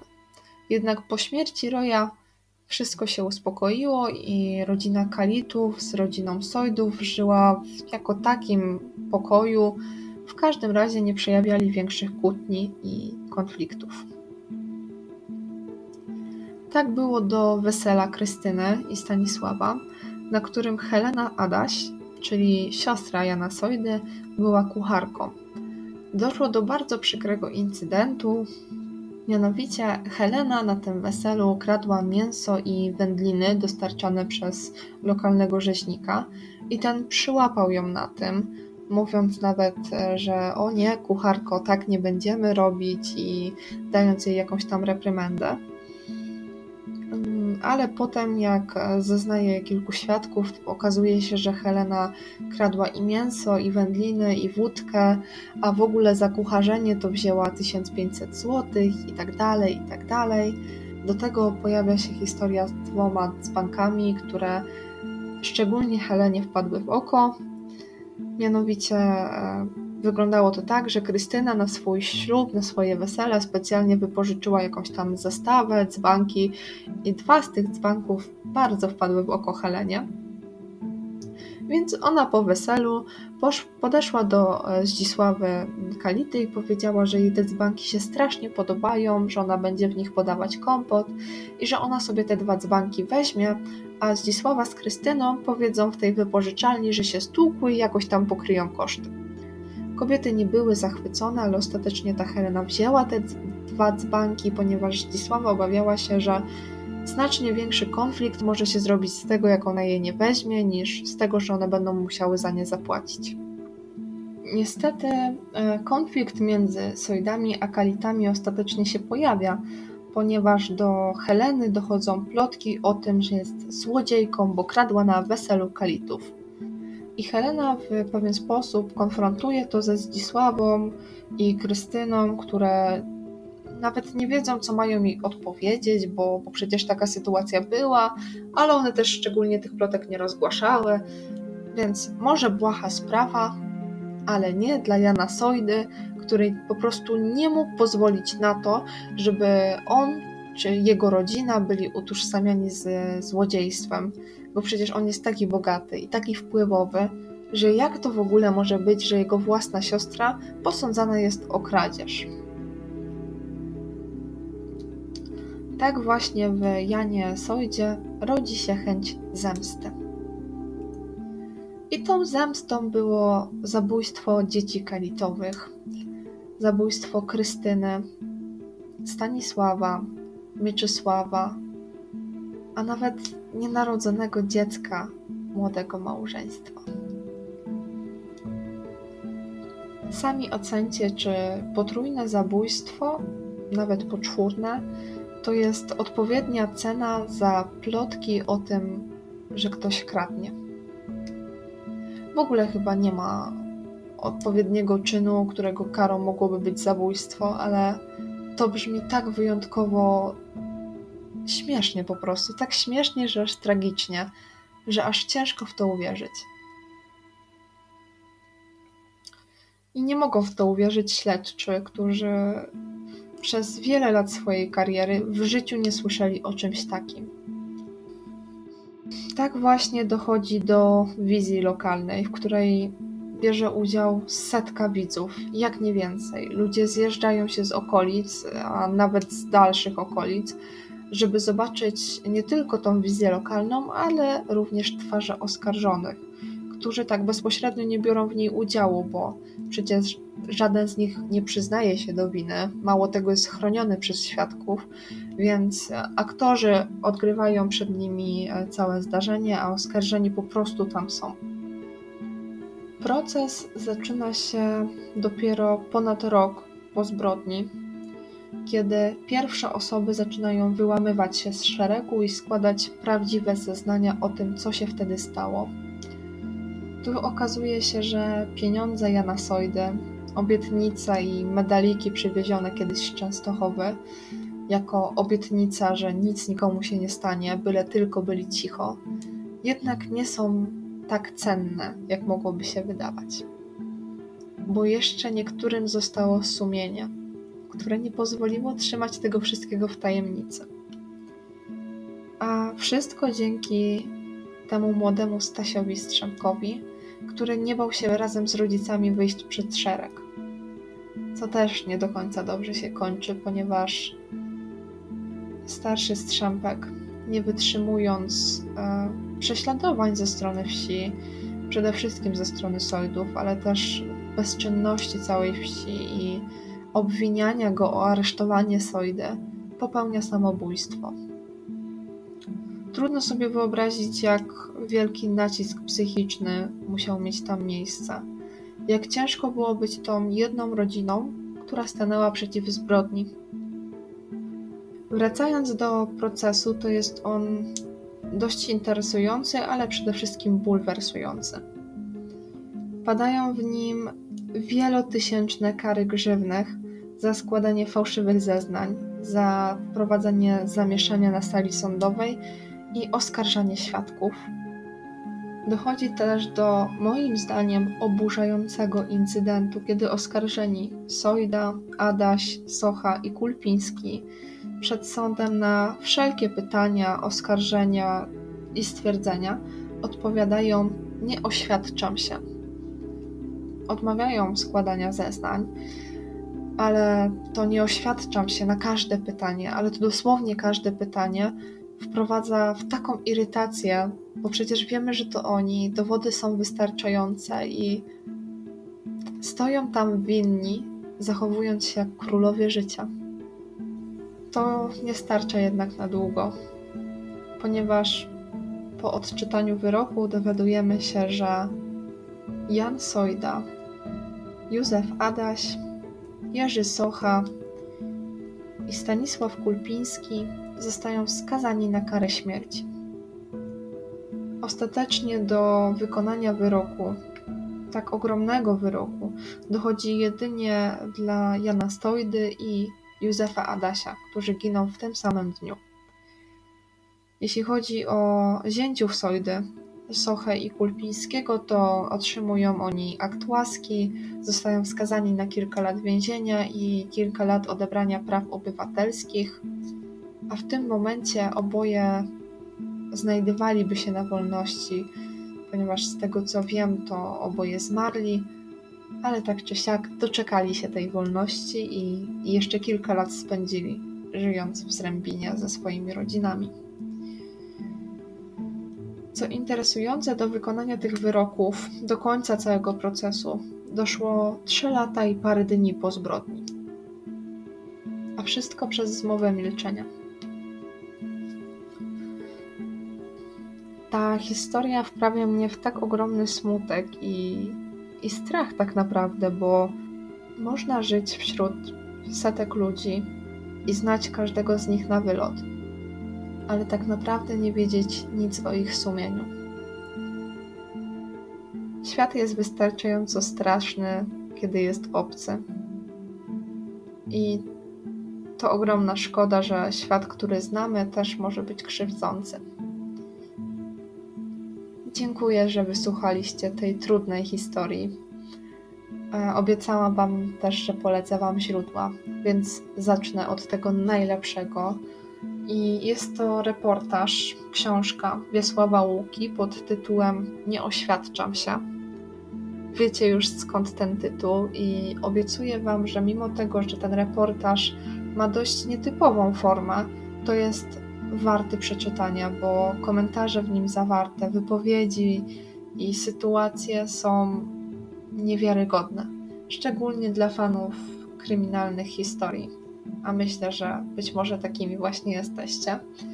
Dodatkowo na podstawie tej książki, tego materiału, powstał film Zmowa z 1988 roku, który dostępny jest w całości na YouTubie i polecam Wam go obejrzeć, mimo tego, że to dość stary i, i trudny materiał, w nie najlepszej może już jakości, ale zdecydowanie jest warty obejrzenia i zdecydowanie jest inną produkcją niż te, które teraz dostajemy, a w bardzo dobry sposób ukazuje przebieg sytuacji, a szczególnie rolę Jana Sojdy, która tam przedstawiona jest w niebywale realistyczny sposób. Tak niebywale realistyczny, że aż przerażający.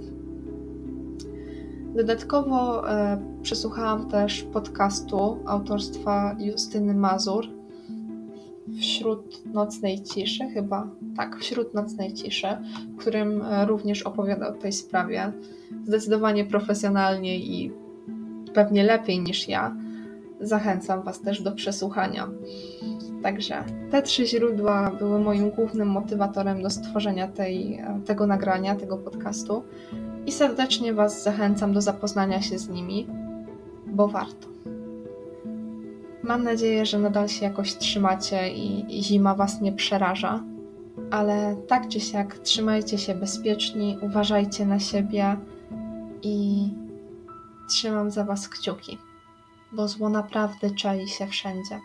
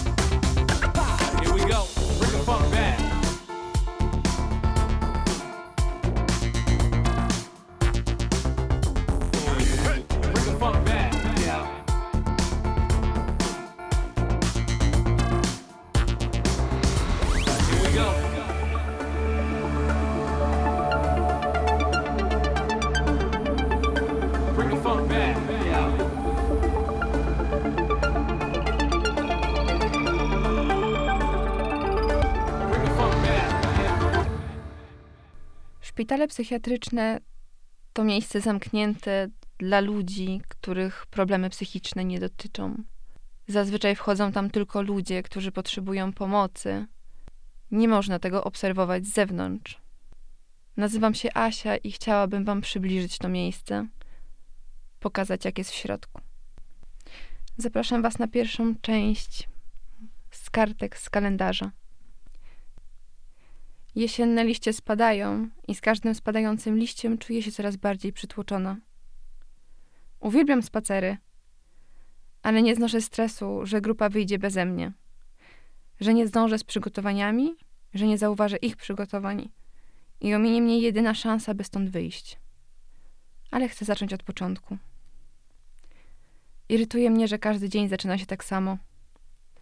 Budzą nas pielęgniarki sprzątaniem sali, wołają na śniadanie, potem na leki. Unikam jadalni. Zawsze jem u siebie. Omija mnie przez to wiele wydarzeń i spotkań. Myślę sobie trudno. Nie mogę się przemóc, by jeść ze wszystkimi. W kolejce do leków stoi się krótko, ale zawsze coś miłego i ciekawego się w niej dzieje. Wszyscy są ledwo przytomni i starają się zachować pogodę ducha. Opowiadają swoje sny, ale nigdy nie poruszają koszmarów. Zawsze opowiadają tylko te miłe miraże, jakby nie chcieli wzbudzić złych emocji w innych ludziach, obudzić ich koszmarów. Niektórzy porównują ze śmiechem lekowe kolejki do perelowskich kolejek za kiełbasą. Lubię te momenty. Widzę wtedy w ludziach najwięcej energii i takiej zżytości. Jakbyśmy byli jednością, rodziną. Łączy nas wspólny cel. Potem się rozchodzimy, wrażenie jedności mija. Każdy idzie do siebie, zajmuje się swoimi sprawami. Niektórzy wracają do łóżek, inni zmuszają się do kąpieli, a jeszcze inni znikają w palarni. Palarnia jest dla mnie bardzo tajemniczym i interesującym miejscem. Ja nie palę, więc siłą rzeczy unikam tego miejsca. Byłam nim tylko raz i to przez przypadek. I zaskoczyło mnie małe, kwadratowe pomieszczenie pełne białych, plastikowych krzeseł ustawionych w krąg. Jakby palacze tworzyli pewną sektę za zamkniętymi drzwiami. Nastroju dodawał dym papierosowy, zgęstniający powietrze i tworzący swoistą mgłę. Ludzie często znikają za palarniowymi drzwiami na długie kwadranse, prowadząc, jak sądzę, długie, interesujące rozmowy. Może o polityce, albo o atmosferze oddziału. Może emocjonująco narzekają na pielęgniarki, albo po prostu cieszą się ciszą i towarzystwem. Ja zazwyczaj siedzę w sali, chociaż czasami lubię siadać na parapecie przy jedynym oknie na korytarzu i obserwować. Stąd wiem, kto najchętniej korzysta z tajemniczej palarni, kto bierze najdłuższe prysznice, ciesząc się chwilą zapomnienia, gdy błoga woda w odpowiedniej temperaturze spływa na nagie ciało. Prywatność. Prywatność. To coś, co ciężko tu znaleźć. Jednak pod prysznicem chyba o nią najłatwiej. Poczucie nagości i samotności jest wtedy cudowne. Chyba, że ktoś korzysta z drugiej kabiny. Wtedy to wrażenie znika. Są osoby, które ukochały się w spacerowaniu w tom i z powrotem po naszym krótkim, wąskim korytarzu. Gdy siedzę na parapecie i obserwuję, dostrzegam ich nerwowe kroki i głowy pełne myśli. Mam wrażenie, że spacerowaniem próbują je wygonić z głów. Najbardziej żal mi samotnego pana, który nigdy do nikogo się nie odzywa. Kojarzy mi się on ze świętym Mikołajem. Zawsze ubrany w czerwoną bluzkę, zawsze ze zmierzwioną siwą czupryną i równie siwą nieokiełznaną brodą. Zawsze unika kontaktu wzrokowego, wpatrzony w podłogę, przemierzający po raz setny tą samą drogę. Czasami, gdy idę do jadalni skorzystać z czajnika, spotykam przy jednym ze stołów pana, w zabawnych okularach z tylko jednym szkłem. Siedzi zgarbiony przy stole i skręca papierosy. Tylko wtedy można go spotkać poza jego salą. O piętnastej co niektórzy zbierają się na spacer. Dresy odkładamy na bok i ubieramy się w bardziej odświętne ubrania. Jeśli to słowo pasuje do szpitalnych ubrań. Bardzo lubię te momenty. Otwierają się przed nami drzwi i możemy opuścić nasz zielony oddział. Wychodzimy na dwór. Jesteśmy stosunkowo wolni. Wtedy możemy też spotkać się z naszymi bliskimi. To jedyny moment, gdy mogę zobaczyć się z mamą, objąć ją, złapać za rękę, być blisko niej. Zawsze towarzyszy nam mój pies, który cieszy całą grupę. Ma na nich dobry wpływ. Nawet jeśli nie mogą go dotknąć, to sam fakt, że spaceruje obok nich sprawia, że się uśmiechają. Na moment zapominają o swoich problemach. Wyglądają na takich lekkich, odciążonych. Spacer trwa 40 minut, ale dla nas to taka nasza prywatna wieczność. Czasami czuję się tak, jakbym była wyprowadzana, ale staram się pozbyć tych myśli. Utrzymać jedynie pozytywne, zagłębić się w rozmowę. Nie lubię momentów pożegnań, bo nigdy nie wiem, kiedy ponownie będę mogła zobaczyć moich bliskich. Widzę smutek w oczach mamy, rwanie się mojego psa, by być bliżej mnie. Ponownie znikam za drzwiami. Jestem już w innym świecie. Wchodzę do sali, przebieram się. Przechodzę kolejny atak paniki. Dostaję kolejne leki, by czuć się lepiej. Staram się uspokoić myśli, uczucia, które pojawiły się znikąd. Wykończony organizm zasypia. Wraz z nim mój umysł. Nie mam mnie do kolacji, przerwane są moje obserwacje, podziwianie widoków za oknem. Gdy wracam do życia, jestem już troszkę inna. Wszystko wydaje mi się szare. Ludzie, atmosfera, otoczenie. Za oknem jest już ciemno, więc zmieniam lokalizację. Siadam na parapecie w jadalni, podziwiam płaczącą wierzbę. Tutaj są latarnie, które umożliwiają mi spostrzeżenie, że z godziny na godzinę moja wierzba jest coraz bardziej łysa. Mam wrażenie, że ona jest tak samo przytłoczona jak ja. A z każdym spadającym liściem mrozi w sobie pozytywne emocje, pozwalając zawładnąć nią tymi negatywnymi. Myślę, że ta wierzba jest zmęczona. Zmęczona tak samo jak ja i każda osoba na naszym oddziale. Dzień się kończy, każdy po lekach idzie w letarg. Odrywamy kolejną kartkę z kalendarza. Dzień skończył się tak wcześnie, jak się zaczął. A jutro wstaniemy tak samo przytłoczeni jak dzisiaj. My coraz starsi, a wierzba coraz bardziej łysa.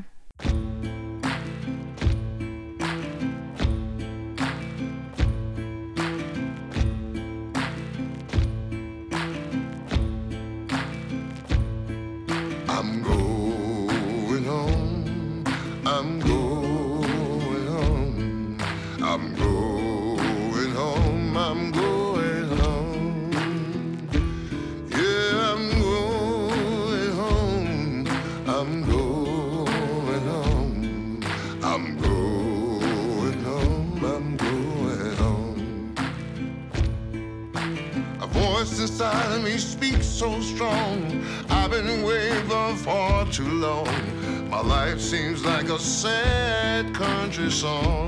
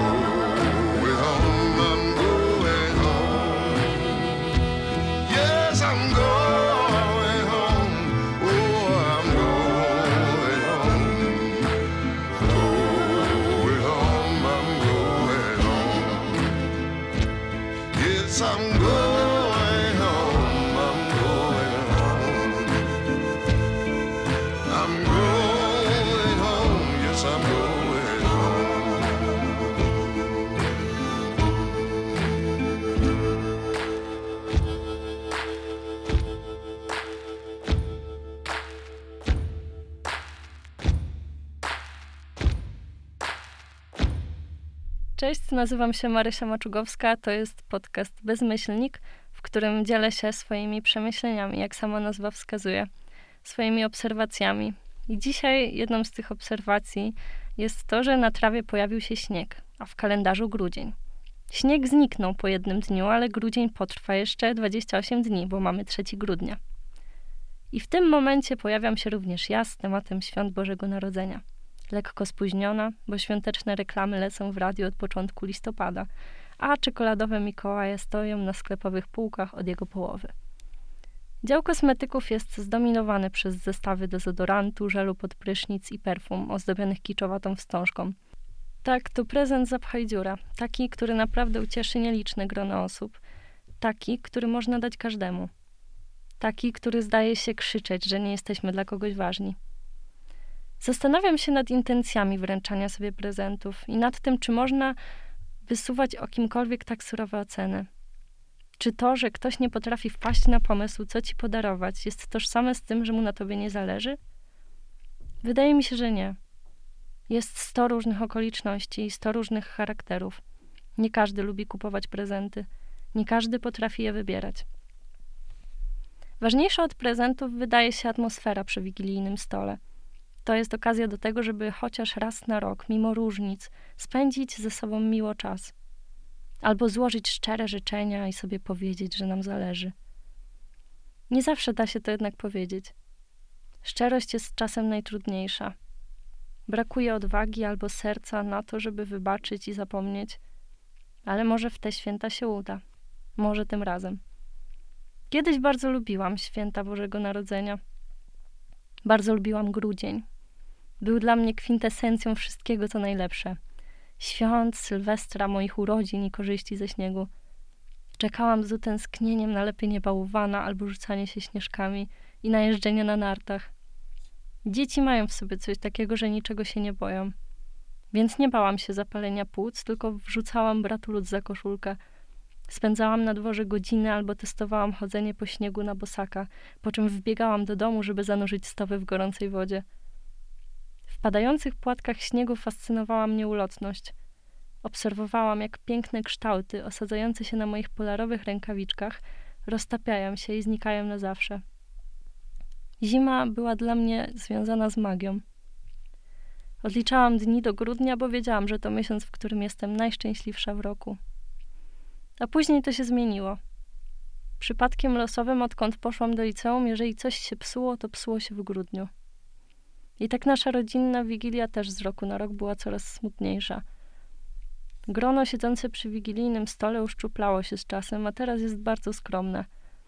Wiele osób wspomina o zaletach małych kameralnych uroczystości, jednak osobiście ich doświadczając mogę powiedzieć tylko tyle, że w przypadku mojej rodziny są one bardzo przykre. Staramy się być ze sobą i być szczęśliwi, ale jest jeszcze za wcześnie na radosne wspominanie osób, które z nami nie siedzą. Ja nie lubię wigilii.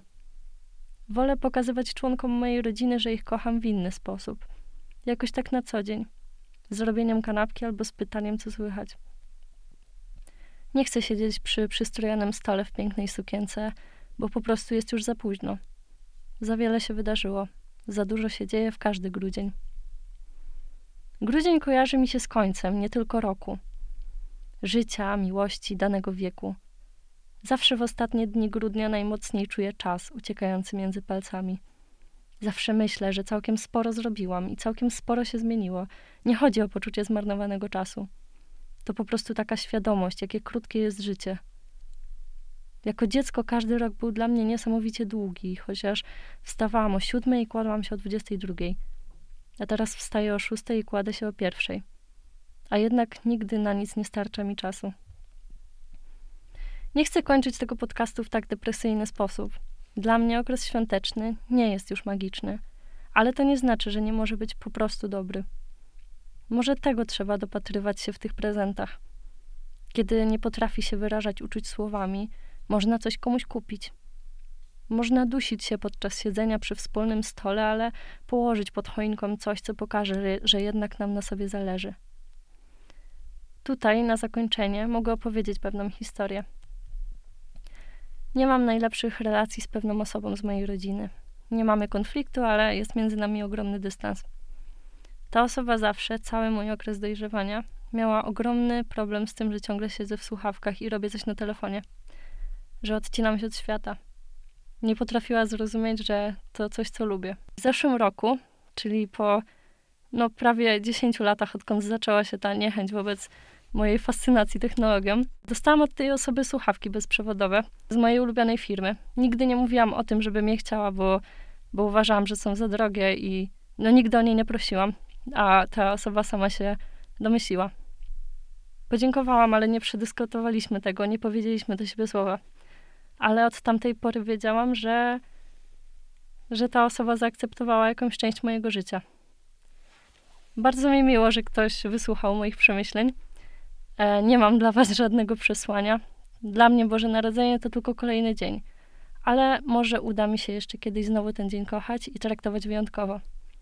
A Wam życzę, żebyście każdy dzień traktowali równie wyjątkowo. Dziękuję i do usłyszenia.